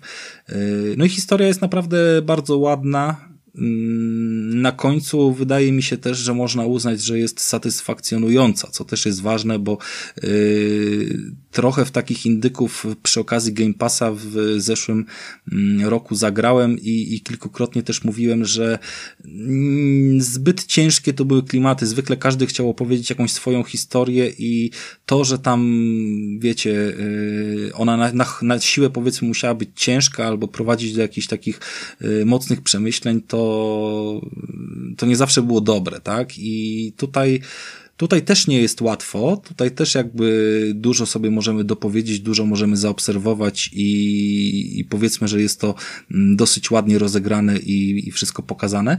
Eee, ale wydaje mi się, że jednak cały finał jest satysfakcjonujący i, i jakby wystarczająco y, dużo przynosi y, no, jakiegoś tam dobra nad złem, tak? W ogólnym rozrachunku, tak, tak chyba to należy przyjąć, więc yy, tak to mniej więcej się prezentuje. Yy, gra nie kosztuje dużo, gra wygląda ładnie, przede wszystkim na HDR-ach. Yy, gra nie trwa długo przede wszystkim i nie zajmuje dużo z waszego życia, y, co przy tej cenie niejako jest argumentem, bo y, dla mnie to jest realnym problemem i wiem, że dla wielu z was również, że co z tego, że, że ja mam nowego asasyna, jak ja nie mam 100 godzin na to, żeby poświęcić ich na asasyna, tak? No jakby, sorry, winę tu, wolę, wolę coś, co jest na 10 godzin i często po takie jakby gry mm, wiem, że będę sięgał. Y, no i przede wszystkim jakby stanowi fajny, zamknięty rozdział docenienie czyjejś pracy, więc wydaje mi mi się, że to jest naprawdę dobra laurka, jaką wystawiam i, i, i godna polecenia. Testowałem już pewne y, swoje prywatne jakby polecacze do tej gry i w sumie też zainteresowanie one, y, ona wzbudzała jakby po, po kilku moich słowach, więc was też z tym zostawiam. Rafale, bo ja mam jeszcze do ciebie e, jedno pytanie a propos tej gry. Śmiało. Bo, bo coś czytam, że Elementy platformowe są e, nie do końca intuicyjne, że to sterowanie jest takie nie do końca fajne, tak jak być powinno. E, miałeś jakieś e, problemy z tym, że miałeś te toporne sterowanie, że, że te elementy platformowe, gdzie on tam skacze, czy coś tam robi? Tak, są takie... toporne oczywiście, bo wiesz, o ile cała gra wygląda nieźle, to mm, no jakby czuć tego indyka, tak? Myślę, że go czuć o wiele mniej. To jest taki dopracowany bardzo indyk, dobrze wypieczony jakby ta gra też y, wygląda na tyle dobrze, że, że nie można jej zestawić jakby mm, z byle jaką, wiecie, platformówką 2D. Mm, tak bardzo dużo przede wszystkim tutaj nie ma tego skakania. I bardzo jest mało miejsc, w którym to właśnie elementy platformowe i zręcznościowe mają tutaj y, kluczowe znaczenie. E, owszem, one są, ale bardzo dużo też wybaczają błędów. Nie są doskonałe, te kolizje nie są ok i zdarzało mi się kilka razy wracać w jedno miejsce, co było upierdliwe, żeby, żeby coś tam powtórzyć. Mm, ale nie uważam, że to jest jakiś taki poziom, którego nie jesteśmy w stanie wybaczyć. No jakby standardowe błędy trudne do zaprogramowania, czyli właśnie te kolizje, no jakby same animacje tego liska są y, z jednej strony bardzo ładne, ale z drugiej mają problemy z y, przeskakiwaniem między jedną a drugą, czyli wiecie, kiedy lisek sobie mm, drapie się po dupie, to nagle zaczyna skakać, to nie ma żadnej animacji przejściowej, tak? No ale, ale też nie róbmy z tego jakiegoś strasznego zamieszania. Okej, dobra. E, To chciałem wiedzieć, dobra. E, To tyle, jeżeli chodzi o Liska. Fajnie, fajnie. E, Myślę, że gra jest jak najbardziej do pogrania. Słuchajcie, ja chciałem powiedzieć, chciałem powiedzieć o dwóch, o dwóch rzeczach w sumie. E, W sumie to chyba będzie tyle, jeżeli chodzi o moją grę i mój taki tydzień. E, Dobra, ale na, na razie powiem o jednej rzeczy. Nie, nie wiem, czy graliście w taką platformówkę, która nazywa się Celeste. Ogólnie, ogólnie, em, bo, ja, bo ja kupiłem sobie Switcha i na tym Switchu sobie wszedłem na jakąś tam stronę e, mojego ulubionego GameSpota i patrzę sobie na najlepsze gry, jakie są na Switchu. No i jest ta Celeste. E, Celeste, nie, nie, wiem jak w ogóle to, to się czyta. E, faktem jest, że to jest platformówka, ona jest w Game Passie e, i ją sobie, ją sobie grałem. E, tak sobie myślę, kurczę, no będę kupował specjalnie jakąś tam platformówkę, którą mam na Game Passie, nie, no bez sensu, żeby mieć na tego Switcha, bez sensu. I tak mam Zeldę. E, więc e, kupiłem, e, znaczy ograłem sobie ją w Game Passie i tak, i tak sobie zainstalowałem jeszcze na starym Xboxie. E, no ogólnie ma bardzo wysokie noty, bardzo wysokie noty. E, no i słuchajcie, e, zacząłem w to grać. E, w ogóle na, e, no nie, no na 65-calowym telewizorze, w takiego pixel arta, który naprawdę jest duży, niewygładzony, wręcz bym powiedział, no paskudny, no nie da się grać. No kurczę, no, no nie da się grać. To oczywiście 4K za, zapomnijmy, tam chyba jest jakiś Full HD, ale no, no za duże są te piksele i jest dramat. Jest po prostu dramat, więc przerzuciłem się na Xboxa, starego One'a, na 40-calowy telewizor, który nie ma 4K, który jest po prostu Full HD, no i wygląda to zdecydowanie lepiej, chociaż to jest dziwne, ale wygląda to lepiej. E, No, co chcę, co chcę powiedzieć? No kurwa, jakie to jest ciężkie. E, Słuchajcie, to jest, to jest takie połączenie, mm, trochę, trochę przypomina mi to Ori, e, z tym, że masz po prostu jeden level z niego wychodzisz. Idziesz w prawo, w górę, w lewo, e, gdzieś tam po prostu idziesz do kolejnego levelu, plansza jest po prostu na, na ekran i po prostu go robisz. No i, no i ona ma, ona, bo to jest, bo to jest, e, gramy taką dziewczyną, właśnie chyba ona ma na imię Celeste. E, nie, nie zagłębiałem się jeszcze w fabułę, dopiero to liznałem. E, chciałem po prostu powiedzieć o tej grze troszkę, e, że e, ona ma, ona ma tam e, małe spektrum możliwości, bo ma skok, ma taki skok, w którym e, po prostu e, możemy, możemy e, strzałkami wybrać kierunek, gdzie ona ma tak jakby poszybować na jakąś tam odległość. E, chociaż może to zrobić tylko i wyłącznie raz. E, I ma opcję, którą, która nazywa się wspinanie, że trzyma się jakiejś skały. No i ona nie może się trzymać zbyt długo tej skały, bo spadnie, bo już nie ma siły. E, co jest ciekawe, że jeżeli chcecie zrobić skok trzyma, trzymając skałę, robicie gdzieś tam skok do góry, znowu trzymacie skały, to jej siły jeszcze bardziej opadają. Przez to ta mechanika w sumie prosta, robi się bardzo skomplikowana na te levele, którzy, którzy twórcy zapodali. I powiem wam, że fajnie, fajne było w to, na, naprawdę gra jest ciężka, frustrująca czasami. E, ona w sumie tylko frustruje, ona chyba po to powstała. E, to powiem wam, że e, ta mechanika jest o tyle fajna, że można się tego fajnie uczyć. I tak jak na, na przykład w Ori było podobnie, chociaż no Ori, no Ori jest dla mnie zdecydowanie lepszą grą, bardziej rozbudowaną, to tutaj, tutaj, tutaj ta mechanika jest dosyć ciekawa. E, No i, no i ten skill, czuję, czuję ten progres skilla. E, Nie wiem, czy będę w to grał, na razie w to nie będę grał, bo chciałem tylko po prostu zobaczyć, co to jest, ale, ale e, tak, tak trochę się zdziwiłem, że ta gra jest tak wysoko. Nie wiem, co ona jeszcze może za, zaproponować mm, sobą w późniejszych etapach. Faktem jest, że, że jest bardzo dobra, że jest, że jest, że jest no, wszędzie 9 na 10, więc, więc się po prostu zdziwiłem. E, to, to, to słuchajcie, to chciałem powiedzieć. E, Znaczy 10 sumie- na 10. i Tak teraz sobie zajrzałem, przepraszam, że ci tak wtrącę, ale Znaczy, tak ja już to skończyłem swój wątek. No, no. I wiele, wiele redakcji z tego co widzę dało tej, na, na przykład IGN e, e, dał 10 na 10. No właśnie. Mm, A w, w, na Steamie, jeżeli chodzi o oceny graczy, to są przytłaczająco pozytywne, czyli takie właśnie 10 na 10. No, no tak, tylko że, że ta gra jest. No nie wiem, dla, dla mnie Ori jest e, le, lepszą grą tego typu. Jest bardzo trudna ta gra. Wygląda paskudnie, naprawdę wygląda. Może jeszcze na tych waszych monitorkach małych, e, pozdrawiamy Wojtka, no to spoko, ale na 65 calach to w ogóle nie ma sensu. E, chociaż do Switcha może by było to faktycznie dobre. E, ale jest, jest mega skillowa i to tak, tak nawet bym powiedział w pewnym momencie nieprzyjemnie skillowa. Nie wiem, może dochodzą później jakieś fajne mechaniki, może jest tego dużo więcej, może jest 200-300 leveli, bo robi się po prostu te plansze, idzie w prawo, w lewo. Nie wiem, ale, ale, ale jest to zdecydowanie dziwna gra dosyć, bo znam lepsze skillowe gry, a to jest takie dobre, no nie wiem, trudno mi powiedzieć. E, Wojtku, dobra, to przejdźmy, przejdźmy Wojtku do ciebie, bo ty mówisz, że o jakiejś grze jeszcze chciałbyś powiedzieć. E, wiesz co, nie, no nie na siłę, ale są takie gry, do których wracam po latach. Okej, okay, dobra, dobra, to w, takim, jeżeli, jeżeli nie na siłę, bo. Cicho, teraz, czekaj, teraz jeszcze, mówię. jeszcze już, będzie... już się rozruchomiłem, daj mi chwilkę. Pierwsza gra to jest taka przyjemność, można powiedzieć, mm, dość osobliwa, bo posiadałem tą grę w, w bibliotece już lata, a dopiero zainstalowałem z kilka tygodni temu i to jest Space Marine, mm, Warhammer Space Marine. Kurczę, dla fana uniwersum Warhammera to jest tak prosta, a jednocześnie tak satysfakcjonująca rozwałka. Po prostu idziesz przed siebie i tłuczesz orków. No, coś pięknego. I tak w sumie zastanawiam się, dlaczego dopiero teraz y, tak do tej gry przysiadłem. Ja już kiedyś miałem taki krótki epizod z nią, ale potem gdzieś tam jakaś się premiera czy coś pojawiło innego i mnie rozproszyło. Y, Fajnie jest czasem wrócić po prostu do takiej starej gry, bo to jest jeszcze taka staroszkolna gra, taka typowa chyba. Ja nie wiem, czy ona nie powstawała na konsolę typowo. Po prostu, y, wiecie, bez żadnej tam rozkminy, Yy, idziesz po prostu do przodu, napierdzielasz, czasem zmienisz jakąś broń i tyle, nie? I nie ma w tym żadnej wielkiej filozofii.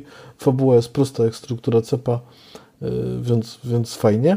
A gra, która jest zdecydowanie bardziej zawiła i, i, i która przykuła mnie na, na kurczę, no nie jakoś tak strasznie długo, bo na weekend tam może z, z lekkim okładem, bo to jest gra, którą tam się da skończyć chyba w kilkanaście godzin maksymalnie, Y, może, może nawet w 10, to było ze Wktulu, chyba z 2018 roku tytuł. E, To jest taka przygodówka, przygodówka y, w klimatach właśnie Lovecraftowych. Kurczę, jak ja się dobrze bawiłem, jak w to grałem, naprawdę. Yy, tak. I to jest gra, która właśnie wpadła mi z Humble Bundla.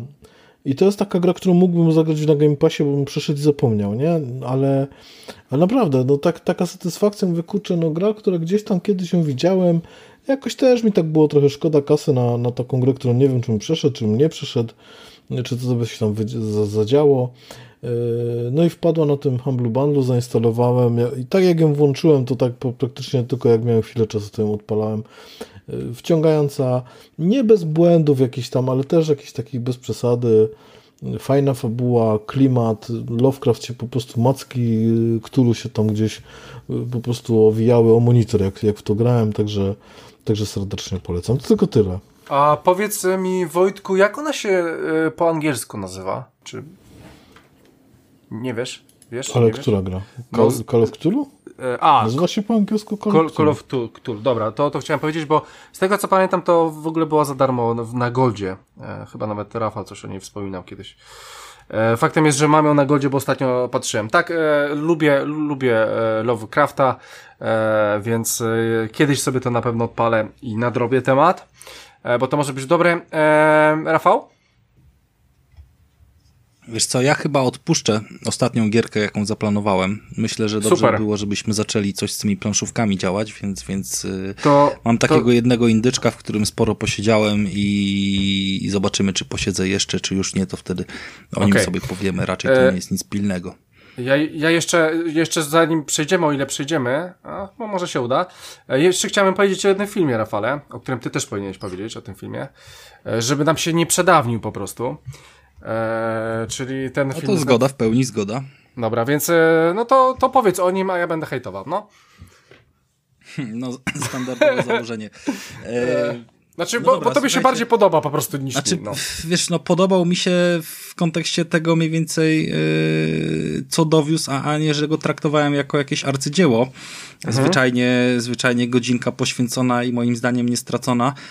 A jest to film, który jest yy, ani dokumentem, mm, raczej takim prześmiewczym dokumentem z wykorzystaniem aktorów i, i mocnego y, wyjaskrawienia wszelkich y, paradoksów, błędów i sytuacji mm, groteskowych, które miały ostatnio miejsce mm, w dużej mierze z perspektywy Stanów Zjednoczonych, y, aczkolwiek no tu się odnosi jakby do, do różnych wielu sytuacji z całego świata, w kontekście zwyczajnie roku mm, 2020. Y, Jego tytuł to Boże.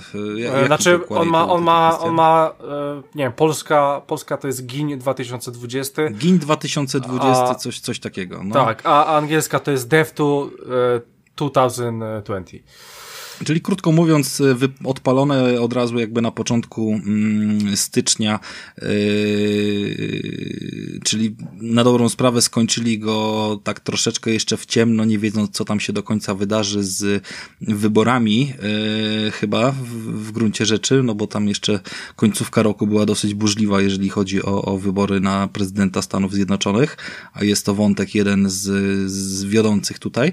No i mamy kilku aktorów, których na pewno rozpoznamy znamy, jak, jak chociażby mm, Samuela L. Jacksona, mm, bądź, bądź paru innych postaci, Phoebe z, z e, przyjaciół, stanowiącą jakby tutaj e, wcielenie, mm, wcielenie pani, e, Boże, pani, pani, która jest y, przedstawicielem chyba dla prasy, mm, rzecznikiem prasowym w Białym Domu i co chwilę jakby zmienia zdanie, mówiąc nawet, że Ukraina nie istnieje i w ogóle nie miało miejsca tak. i tego typu rzeczy. Więc jakby mm, to, to jest taki właśnie w stylu dokumentu zrobiony film, w którym cały czas słyszymy różne głupoty i yy, te głupoty niestety brzmią trochę tak, jakbyśmy oglądali jeden z naszych kanałów w wiadomościach, w gruncie rzeczy y, zrobiona z żartem produkcja Netflixa y, każe się momentami zastanowić, czy coś takiego całkowicie na poważnie y, by się nie odpalało w,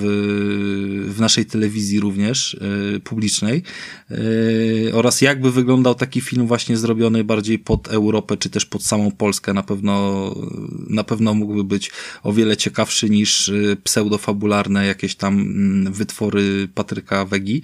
I i, tak naprawdę to jest właśnie to, no jakby nie będę wciskał wszystkich wątków, no bo chyba każdy mniej więcej wie, co się działo w 2020, cała zabawa z mm, COVID-em, z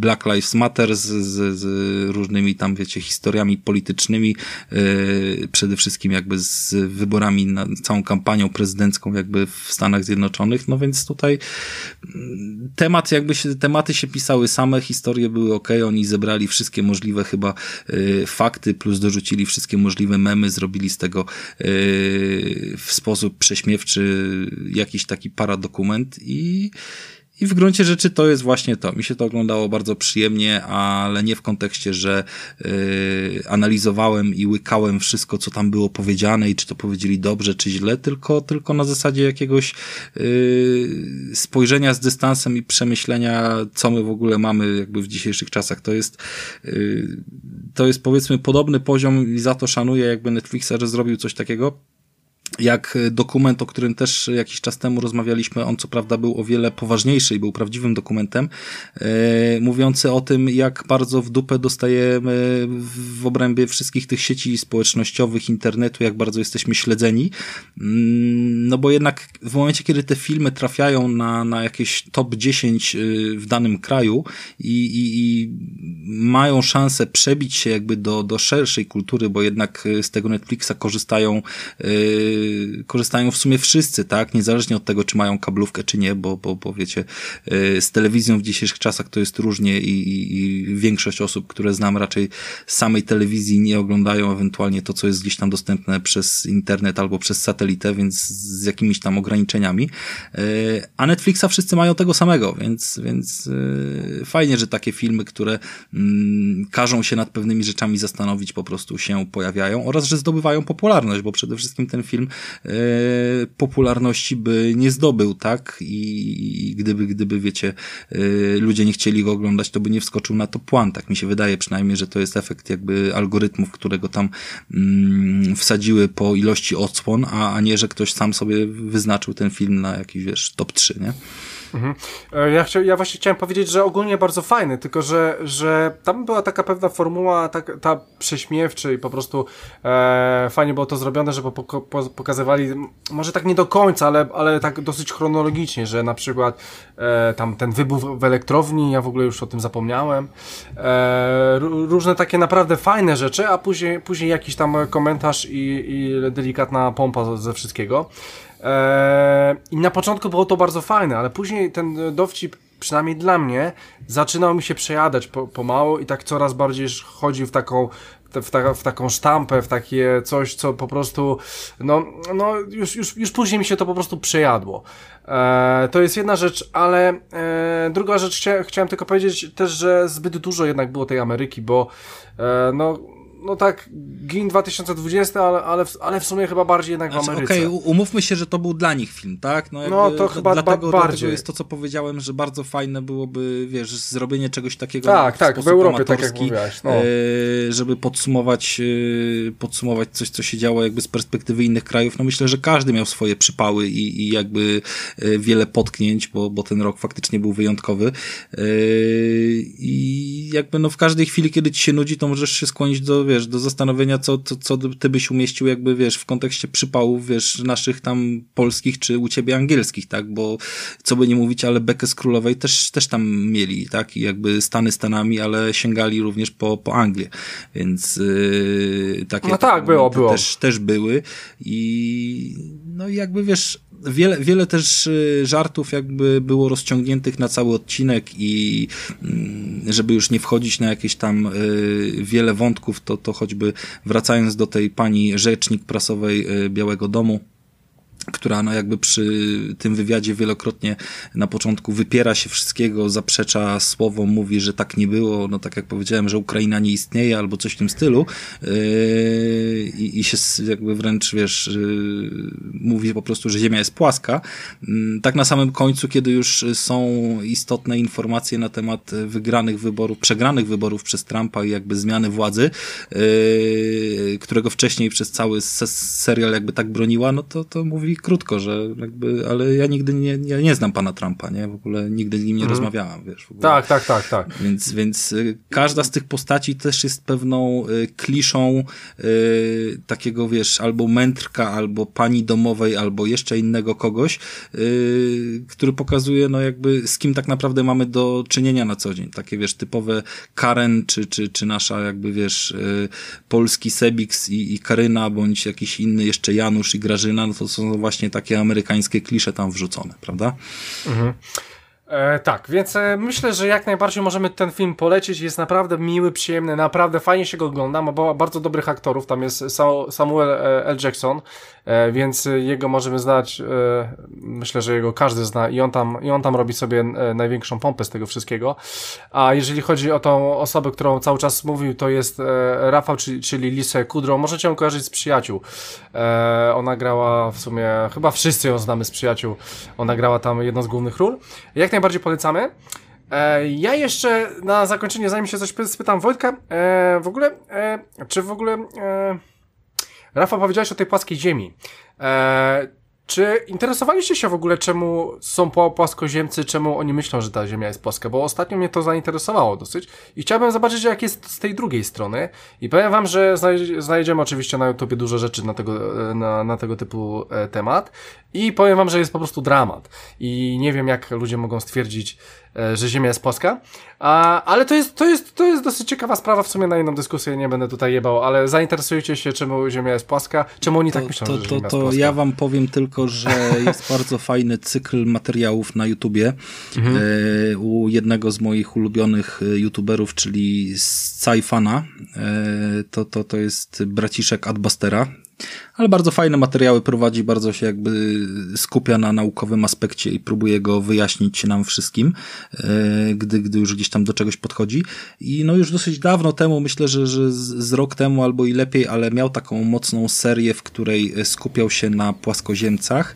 Mhm. E, nawet wydaje mi się, że tam były w ogóle trzy oddzielne filmy, dosyć długie, które mm, po prostu od A do Z rozprawiały się ze wszystkimi mitami, które, e, które były gdzieś tam na ten temat uruchamiane, odnosiły się do wywiadów, dlaczego oni tak myślą, dlaczego nie, no i jakby podchodziły do tego w sposób najbardziej y, podstawowy, tak? No nie, nie na zasadzie, że yy, oni są idiotami, bo nie wiedzą, że Ziemia nie jest płaska, tylko no jakby każdy poszczególny argument, pomysł czy teorię po prostu zbijał. Nie na zasadzie, że nie macie racji, tylko na zasadzie, że yy, ja wam dokładnie pokażę, dlaczego nie macie racji i jeszcze tutaj obserwujmy sobie te reakcje i tak dalej, więc yy, z tego, z czym ja się spotkałem, to, to chyba lepszej analizy nie mogę, nie mogę się dopatrzyć w internecie, a dodatkowo jest ona zrobiona też w sposób yy, powiedzmy, no nie, nie, nie z typowo nudnego gadania, tylko tam trochę, trochę jednak sobie pozwala na różne y, docinki, wrzutki i takie rzeczy, które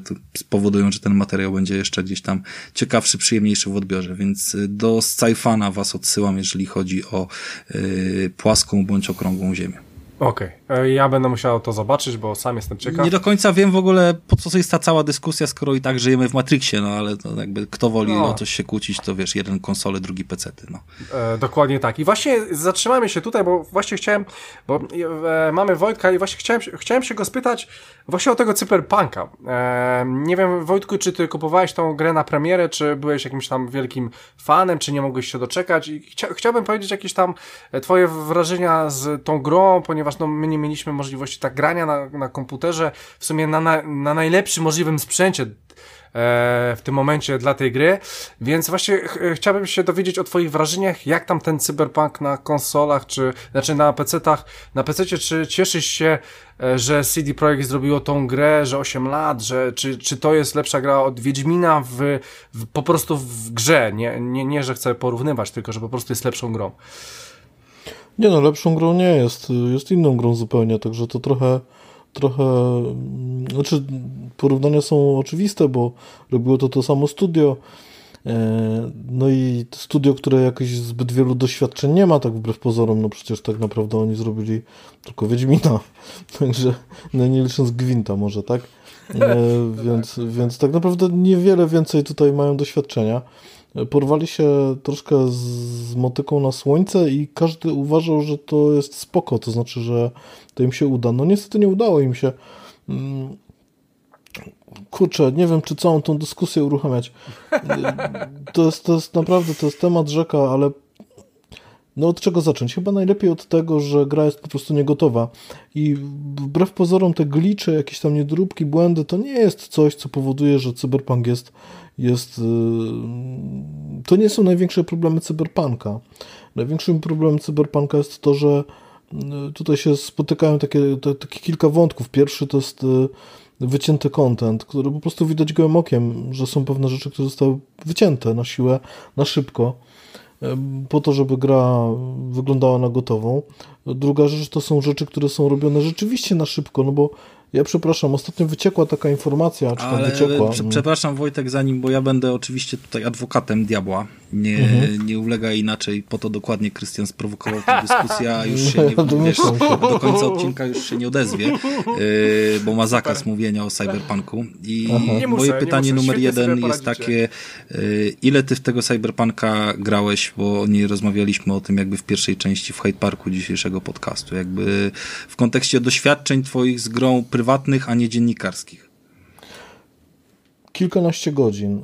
Dokładnie teraz nie wiem, mogę no to sprawdzić, ale... Ale nie, no ale... To, jakby to jest jakby istotna też rzecz, jakby z jakiej perspektywy, wiesz, y, tutaj coś omawiamy. Y, to pytanie drugie, jeżeli mówimy o jakimkolwiek zarzucie, to Powiedz mi jakiś konkretny przykład w kontekście wyciętego, yy, wyciętego kontentu i żebym też miał szansę się do niego odnieść, a nie jako, wiesz, ogólnik, żeby to było, nie? Bo tu już jesteśmy po recenzji Cyberpunka, ja wiem, że też nie słuchałeś, yy, ja też swoje się gdzieś tam na niego nagadałem i wiadomo, że nie mówimy tutaj o ideałach, ale no jakieś tam też zdanie mieliśmy już wypracowane na ten temat.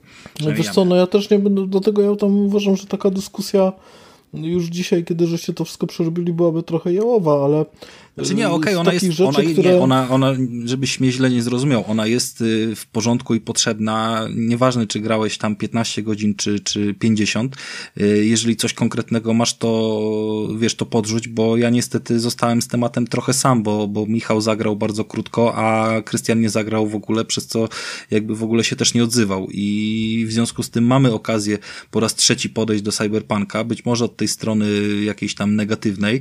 I, i ja też się bardzo chętnie gdzieś gdzieś tam, wiesz, y, do tego dołożę, odniosę, czy coś w tym stylu, tylko, tylko wejdźmy na jakieś konkrety, a nie czyste Dobra. nagłówki tego, co było. Dobra, y, to już sobie sprawdziłem, mam tam niecałe 17 godzin w grze. Ym, To tak, żeby gdzieś tam się upozycjonować w tym, w tym y, dialogu. Ym, Tak, jeżeli chodzi, znaczy, co jest dla mnie największym problemem takim w podejściu do cyberpunka? E, Taki, który odrzuca od, no, od samego początku, to jest ilość błędów. Ja akurat grałem już na kompie z kartą graficzną, co może dla niektórych słuchaczy być istotne. E, To jest e, 1060, tam 1060 na 6 GB pamięci.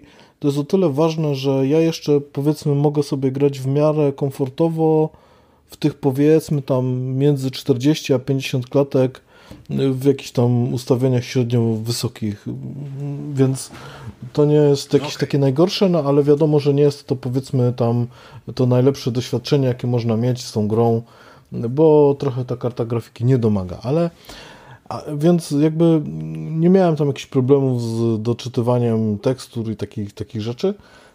Natomiast pierwsza rzecz, która odrzuca, pierwsza rzecz, którą w ogóle mnie odrzuciła, to jest to, że ja nie mogłem niektórych questów przejść, bo, bo na przykład nie było przedmiotu w samym, w, w, jeszcze w prologu w ogóle akcja pod tytułem znajdź tam jakiś klucz dostępu w laptopie, no i biegasz po całej lokalizacji i szukasz po prostu jak po- potłuczony wszędzie tych, te, tego kodu, a okazuje się, że go po prostu nie było, tak? Bo musiałem sobie wygooglać, gdzie jest ten yy, przeklęty ty kod, no i w końcu e, się wersję okazało, od że... razu na początku się rzuciłeś jakby przed wszelkimi patchami, czy... czy Tak, czy... tak, tak, tak. Ja się rzuciłem jak stonka na łęcinę. Yy, od razu w zasadzie czekałem jeszcze tej samej Bo nocy. nie wiem, jak było na pobrane. wersjach pecetowych. Miałeś od razu wersję 1.0, czy... Bo my dostaliśmy na day one yy, patcha i to była wersja 1.2. Och, to już teraz nie pamiętam, wiesz, tej, tej numeracji, ale tak, to było tak, że to weszło. Ja sobie od razu zainstalowałem i chyba już na drugi dzień były od razu jakieś patche, także. e, Okej. Nie, przepraszam. To było tak, że ja sobie pobrałem tą grę przed premierą, bo miałem opcję sobie przed premierą pograć, a w momencie premiery od razu był jakiś patch. Tak, to, to fakt, tak, takie coś było, ale już nie pamiętam, który to był numer. E, Natomiast grałem w jakąś tam już spaczowaną wersję od razu, bo ten patch był od razu, można powiedzieć. Ale to mniejsza z tym, no to są takie rzeczy, tak jak mówię, to nie są, to nie są największe problemy tej gry. E, To nie jest tak, że błędy się zdarzają, tak? No, i o ile ta skala jest dość duża, to tak, to, się- to, to, to, to, nie są te największe problemy, ale wiesz, no, sztuczna inteligencja, która nie istnieje. Ja pamiętam, jaką ja miałem bekę z, e, z, z, z czego to, jak to się nazywało, Human Divided, czyli um, Deus Ex. No w Deus Exie. Ojejku, w Deus Exie, tak. W Deus Exie, jaką miałem bekę ze sztucznej inteligencji, nawet filmik jakiś tam wrzucałem, no po prostu pokładałem się ze śmiechu. Ja się muszę przeprosić z Deus Exem, bo w Deus Exie było cokolwiek. W, w Cyberpunku tego nie ma. To są takie proste rzeczy, tak?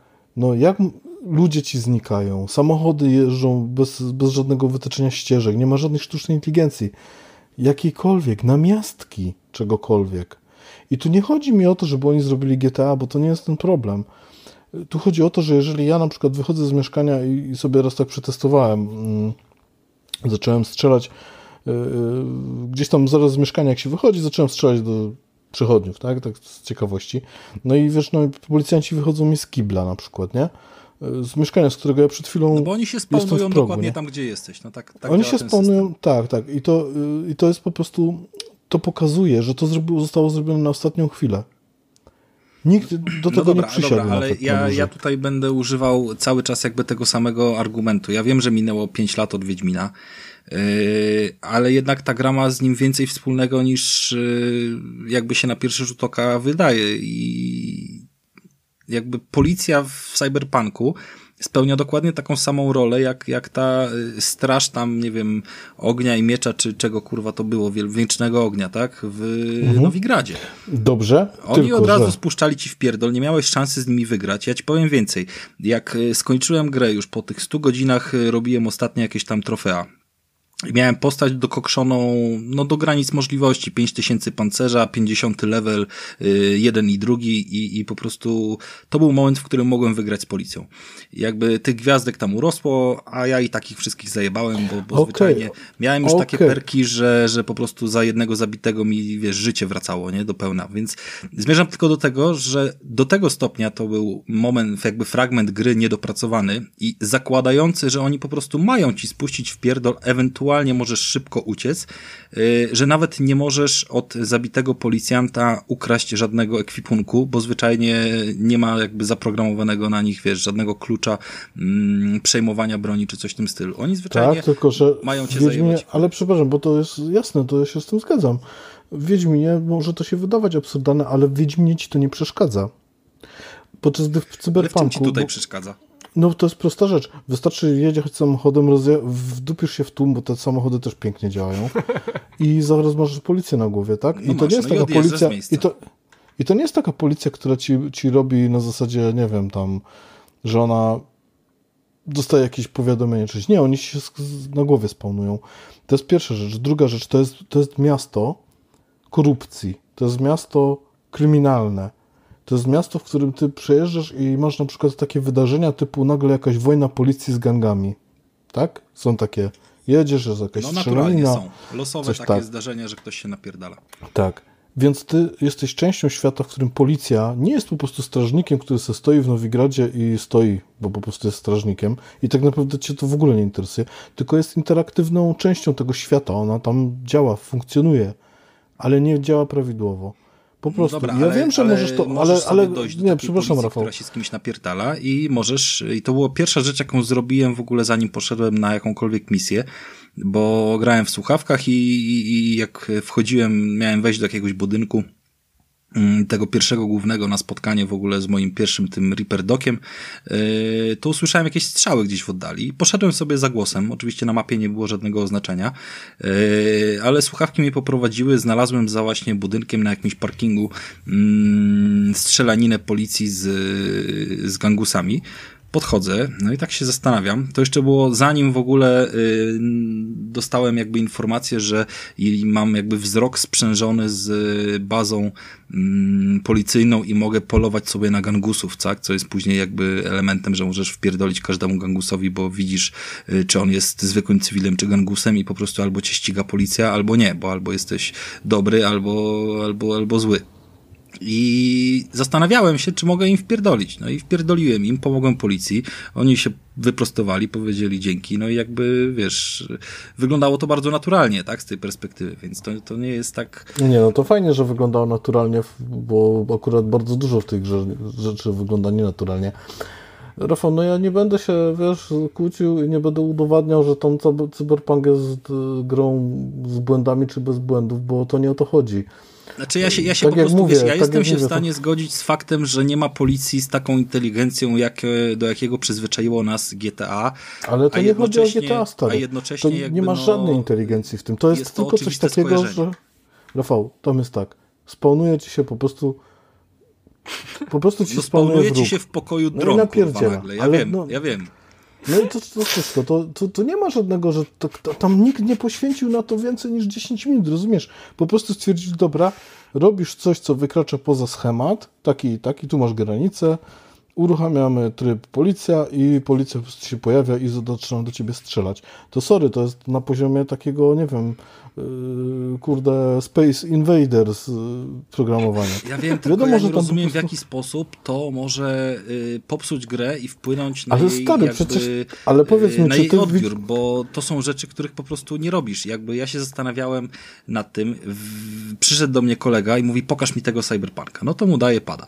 On wsiada y, sobie w pierwszej kolejności na motor i zaczyna palić gumę. Potem gdzieś tam jedzie, w coś przypierdala i, i się dziwi, że policja za nim nie goni. Potem zsiada i zaczyna strzelać y, do ludzi albo strzelać w opony i się dziwi, czy opony się w motorze przebijają i tak dalej. Ja mówię, typie, kurwa, to nie jest GTA, no jakby po raz kolejny powtarzam. Jakby przez 100 godzin nie zauważyłem y, ani jednej sytuacji, w której by mi przeszkadzało to, że, nie wiem, policja się spawnuje y, w moim mieszkaniu albo tu, cokolwiek, No bo ja nikogo nie właśnie- zabijałem w moim mieszkaniu, wiesz. Jakby I to jest właśnie sytuacji, problem. która- No dobrze, ale na przykład jest taka sytuacja, już nie w mieszkaniu, w mieszkaniu to był tylko przykład, Ja wiem. który po prostu znowu pokazuje tak, jak to działa. Bo takie rzeczy się nie zdarzają w mieszkaniu, bo w mieszkaniu, no wiadomo, nie strzelasz do nikogo, robisz to for fun.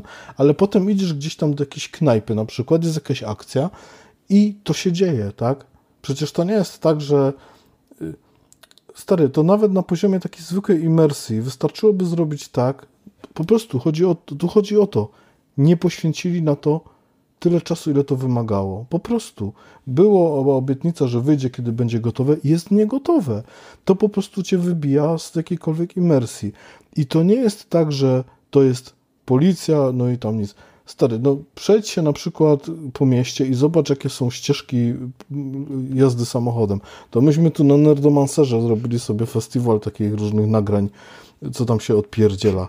Jak samochody się zachowują to jest po prostu, i tak jak mówię, to, to jest jakby jedna rzecz. Druga, no to się jeszcze nawarstwia problem obietnic. Wiadomo, to jest branża gamingowa. W, trasie, w, w trakcie tworzenia gry z wielu rzeczy się rezygnuje, normalna rzecz. Ale z drugiej strony oni nigdy, ale z pewnych rzeczy oni potrafili powiedzieć, no tego jednak nie będzie, tam jakieś tam biegania po ścianach. No nie wyszło tak designowo, ok, nikt nie ma do tego problemu. Trudno, no nie ma tego, tak? Ale z drugiej strony jest mnóstwo rzeczy, które oni zapowiadali, a których po prostu najzwyczajniej w świecie nie ma. Ten świat to jest świat zombie. Tam tak naprawdę ludzie są jacyś tacy. Oni, oni nie żyją, to są po prostu takie manekiny, które chodzą. No, to jest ten sam To poziom, co w. Wiedźminie. Wciąż powtarzam, że masz osoby, które wy, wy Stary, to przejdź się- jakieś, wiesz... yy, Przejdź się po Wiedźminie, przejdź się na przykład dookoła Nowigradu i zobacz te wszystkie interakcje i dialogi, które są dookoła, między ludźmi, między strażnikami. Oni jasno, oni wykonują swoje czynności. Przejdź się teraz po, po cyberpunku i powiedz mi, czy, Ale czy ja jest no, chociażby namiast, namiastka tego. mapy i słyszałem setki dialogów y, osób postronnych, które rozmawiają na temat y, swojej pracy, swojej przyszłości, gadają z kimś przez telefon, y, który lewituje obok ręki, bo to jest glitch, ale jednak gadają z kimś przez Glitch telefon. jak glitch, nie? No tak, Wiesz, dobra. i, i, I jakby tego jest naprawdę dużo, powiem więcej. Nawet y, gadając z każdym y, sprzedawcą, znaczy nie wiem czy z każdym, bo, Mhm. bo, bo nie każdego sprzedawcę pewnie mi się udało odwiedzić, ale zdecydowaną większość ich y, odwiedziłem pod koniec gry i z każdym sprzedawcą mi się rozmawiało inaczej, a nie, że było charakterystyczne tutaj pokaż mi swoje towary, które notabene pojawiło się, ostatnio znalazłem i mam nawet screena zrobionego. Raz u jednego sprzedawcy po, pojawił mi się ten tekst pokaż mi swoje towary Yy, i, i nawet Stary, dobra, ale to wszystko, ja to wszystko rozumiem. Jak, ale to Tylko jest to, ty to, jest znowu to po- samo. Ja ty- nie czułem znowu się w żaden sposób, wiesz, inaczej. I, I pamiętam jakby twoje zachwyty jeszcze całkiem niedawne na Wiedźminie, że ile lat po premierze z jakimiś tam modami, yy, wiesz, yy, w niego grałeś, a tu jest to samo. I Dobra, okej, no może- to przejdźmy w takim razie do rzeczy- właśnie tych to obietnic, do że ktoś, kto przeczytał te wszystkie artykuły i obietnice, czuje się w jakiś sposób oszukany. Ja byłem nahypowany, ale ja sobie odciąłem te wszystkie To informacje. fajnie, ale Rafał, będzie. przepraszam, że ci przerwę, ale bo to, to ja to rozumiem, tylko porozmawiamy w takim razie, czemu ja mam z, z tą grą problem. Bo, bo ty mi mówisz nic nowego, no ta gra jest nadal świetna, ona nie jest, to nie jest gra, kto, obok której da się przejść obojętnie. Ona w warstwie fabularnej jest spoko, postacie są takie, że naprawdę, no, gdyby w grach były takie postacie, jak są wykreowane, to byłoby super. One są często bardzo głębokie, takie przy, przywiązujemy się do nich, wszystko fajnie. Ale z drugiej strony właśnie chodzi o, tę o tą całą sieć różnych obietnic. Nie wiem, weźmy na przykład, miał, zacznijmy, skoro już była policja, to policja. Mieliśmy mieć szansę na przykład przekupywać policjantów. Gdzie tam? Widać, że to po prostu obietnica, fajnie, może to zrobimy. Znaczy, obiecali, że zrobią. Nie ma po prostu tak, policjant się spełni na głowie, do widzenia. Weźmy na przykład cykl dnia i nocy i w ogóle, nawet nie dnia i nocy, tylko tego, że tam ludzie mieli mieć jakieś swoje, swoje ym, cykle, tak? Mieli mieć swoje, swoje życie jakieś tam. Nawet jeżeli ono by miało być, wiadomo, to są nadal NPC, ich jest mnóstwo, więc nie każdy będzie tutaj nie wiadomo kim, ale na jakimś tam poziomie powinno tak być, że nie wiem, on teraz tutaj tego, tego nie ma, on jest tam gdzie indziej, robi coś innego, bo ma jakiś swój cykl dobowy NPC.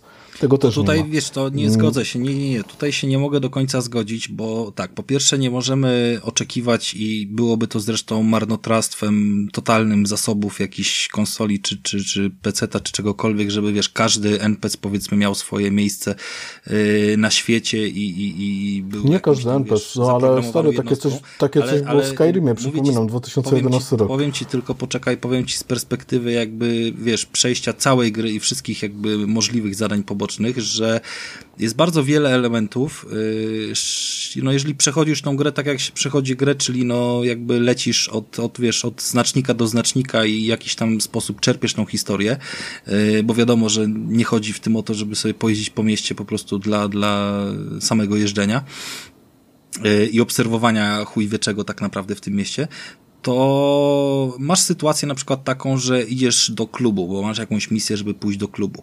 Yy, Klub jest zamknięty, bramkarz ci mówi, że, że spierdalaj, nie? Yy, No to robisz sobie czekanie, tak? Yy, Czekasz albo wracasz później i kiedy przychodzisz do tego klubu jeszcze przed godziną, załóżmy, otwarcia, to już widzisz kolejkę pod tym klubem i kolejka jest ludzi, którzy tam, załóżmy, czekają i niecierpliwią się, gadają ze sobą o tym, czy uda im się wejść, czy nie uda im się wejść i tak dalej i- dopiero potem gdzieś tam wchodzisz. W wielu miejscach były takie sytuacje. Pomijam w ogóle już kwestie postaci głównych i jakby z głównych wątków fabularnych, yy, znaczy głównych pobocznych, bo, bo one bardzo często jakby no miały jakieś tam konkretne misje o konkretnej porze dnia i nocy, bo, bo one tak musiały być zaprogramowane i nigdy nie było tak, że wiesz, że znaczy mogłeś sobie przyjechać wcześniej, ale zawsze była opcja, że poczekaj, coś, wiesz, no jakby wprowadzenie całe do tego, że, yy, że to się musi, wiesz, wydarzyć w konkretnym momencie, a nie, że coś się po prostu spawnuje i nagle, wiesz, yy, wszystko się dzieje. Yy, I na tyle to było, wiesz, w zupełności satysfakcjonujące, żeby czuć yy, upływ czasu, a, a- a ten jakby cykl dobowy w kontekście samej. No jedyne, co się mogę czepić, że faktycznie wchodząc w miejsca takie, które były załóżmy pod y, tymi mega blokami, tak jak ten, w którym się mieszka, tam jest jeszcze kilka innych zresztą, no to, to były postacie, które się tam załóżmy, nie wiem, kłócił facet z dziewczyną i on się tak samo kłócił o pierwszej w nocy, jak i o, o szóstej nad ranem, nie? I jakby... I ta policja, która tam się dobijała do tych drzwi, za każdym razem jak się wychodziło, tam ta policja stała i się dobijała. nie? Ale ta policja się dobijała, bo tam było zadanie, kurwa, Wojtek, tam było zadanie i musiałeś właśnie zrobić to zadanie, bo oni nie wiedzieli, dlaczego był tam typ i, i, i potem się nie dobijali już do niego, nie? To, to było No tak, zadanie tak, tylko że wiesz, to są takie problemy. sąsiadem. Tak, tylko to są takie problemy designerskie, że do, do, do takiego zadania można dojść w jakiś inny sposób. Ale to akurat mi nie przeszkadzało, nie? Ja tylko mówię, No. że. Dobra, ale wróćmy znowu do, do, do jakby trzonu. Powtarzam, Cyberpunk nie jest złą grą, do tego, żeby mnie nikt tak nie zrozumiał. To jest gra, która daje mnóstwo satysfakcji i jest na, na wielu poziomach fajna, ale, ale wkurza to, wkurza to tylko, że dostajesz produkt, który jest niegotowy. Dostajesz produkt, który musi być raz paczowany, drugi raz paczowany. Muszą, słuchaj, gdyby Ale Wiedźmin miała był. problemu, Ja, ja grałem pół roku po premierze, no to już w No miarę chodził, Wiedźmin- ale, ale śmiałem się przez pół roku z tej płotki na dachach i setek innych rzeczy. Przecież Tak. to jest, wiesz, fabryka memów, kurwa, na pół roku była z tego Wiedźmina. Tak, No tak, jakby- tylko że ile było, tak, ale ile było tych błędów w Wiedźminie, bo chodzi o skalę jeszcze. Błędy w Wiedźminie nie były takie, że ty po prostu, oprócz może tej płotki rzeczywiście i nie wiem, tam jakiegoś noszenia skrzyń, że tam komuś lewituje skrzynia przed, przed, No. przed oczami, to tak naprawdę niewiele tam było tego typu błędów. Były takie błędy też w questach, to raczej szybko wyeliminowali patchami. A tutaj jest świat jest ogromny, on jest piękny, ale on jest wypełniony błędami. I te błędy powodują, że ty się zasta- zaczynasz zastanawiać, no to gdzie byli testerzy na przykład? Przetestowali tą grę czy nie? Bo to nie jest problem, że to nie działa na PlayStation tam 4. Bo to tak naprawdę jest jeden z tylko z problemów. Ta gra po prostu jest zdupiona w wielu elementach. Postaci się bugują, questy się nie, tam nie, nie jadą jakieś dziwne rzeczy, windy się, się potrafią zawieszać. No to po prostu, wiesz, no i tak sobie myślisz, no dobra, no to nie mogli tego jeszcze te trzy miesiące ponaprawiać i mi to wtedy sprzedać. Ja tutaj, wiesz, kupiłem sobie fajnie, ostatni raz, naprawdę, ja sobie już kilka razy tego wycofałem, nie? Ale ostatni raz, E, bo to już miał być pewniak, tak? Wiesz, że dostaniesz grę, która będzie dobra. Ona może nie będzie idealna, bo nie ma gier idealnych, ale będzie dobra.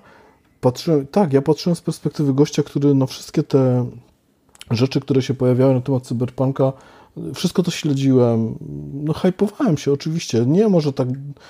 I to jest też ciekawe, ja nie byłem przesadnie nahypowany na tą grę. Ja bardzo spokojnie do tego tematu podszedłem, kupiłem sobie tam ją na dni, dwa dni przed premierą, na zasadzie fajnie, a to sobie pogram, lubię tak wiecie, jak tam na przykład cały świat się czymś jara, no to fajnie być częścią tego, tego, tego yes. jarania się. I, I więc sobie tam stwierdziłem, że to na pewno będzie fajne i ten. No i odpaliłem tego samego wieczoru. Strasznie mi się to podobało. Do, do momentu, w którym nie mogłem y, y, wejść do windy, bo po prostu coś tam się skaszaniło. Mówię, no dobra, będzie jeszcze pewnie jakiś jeden parze drugi.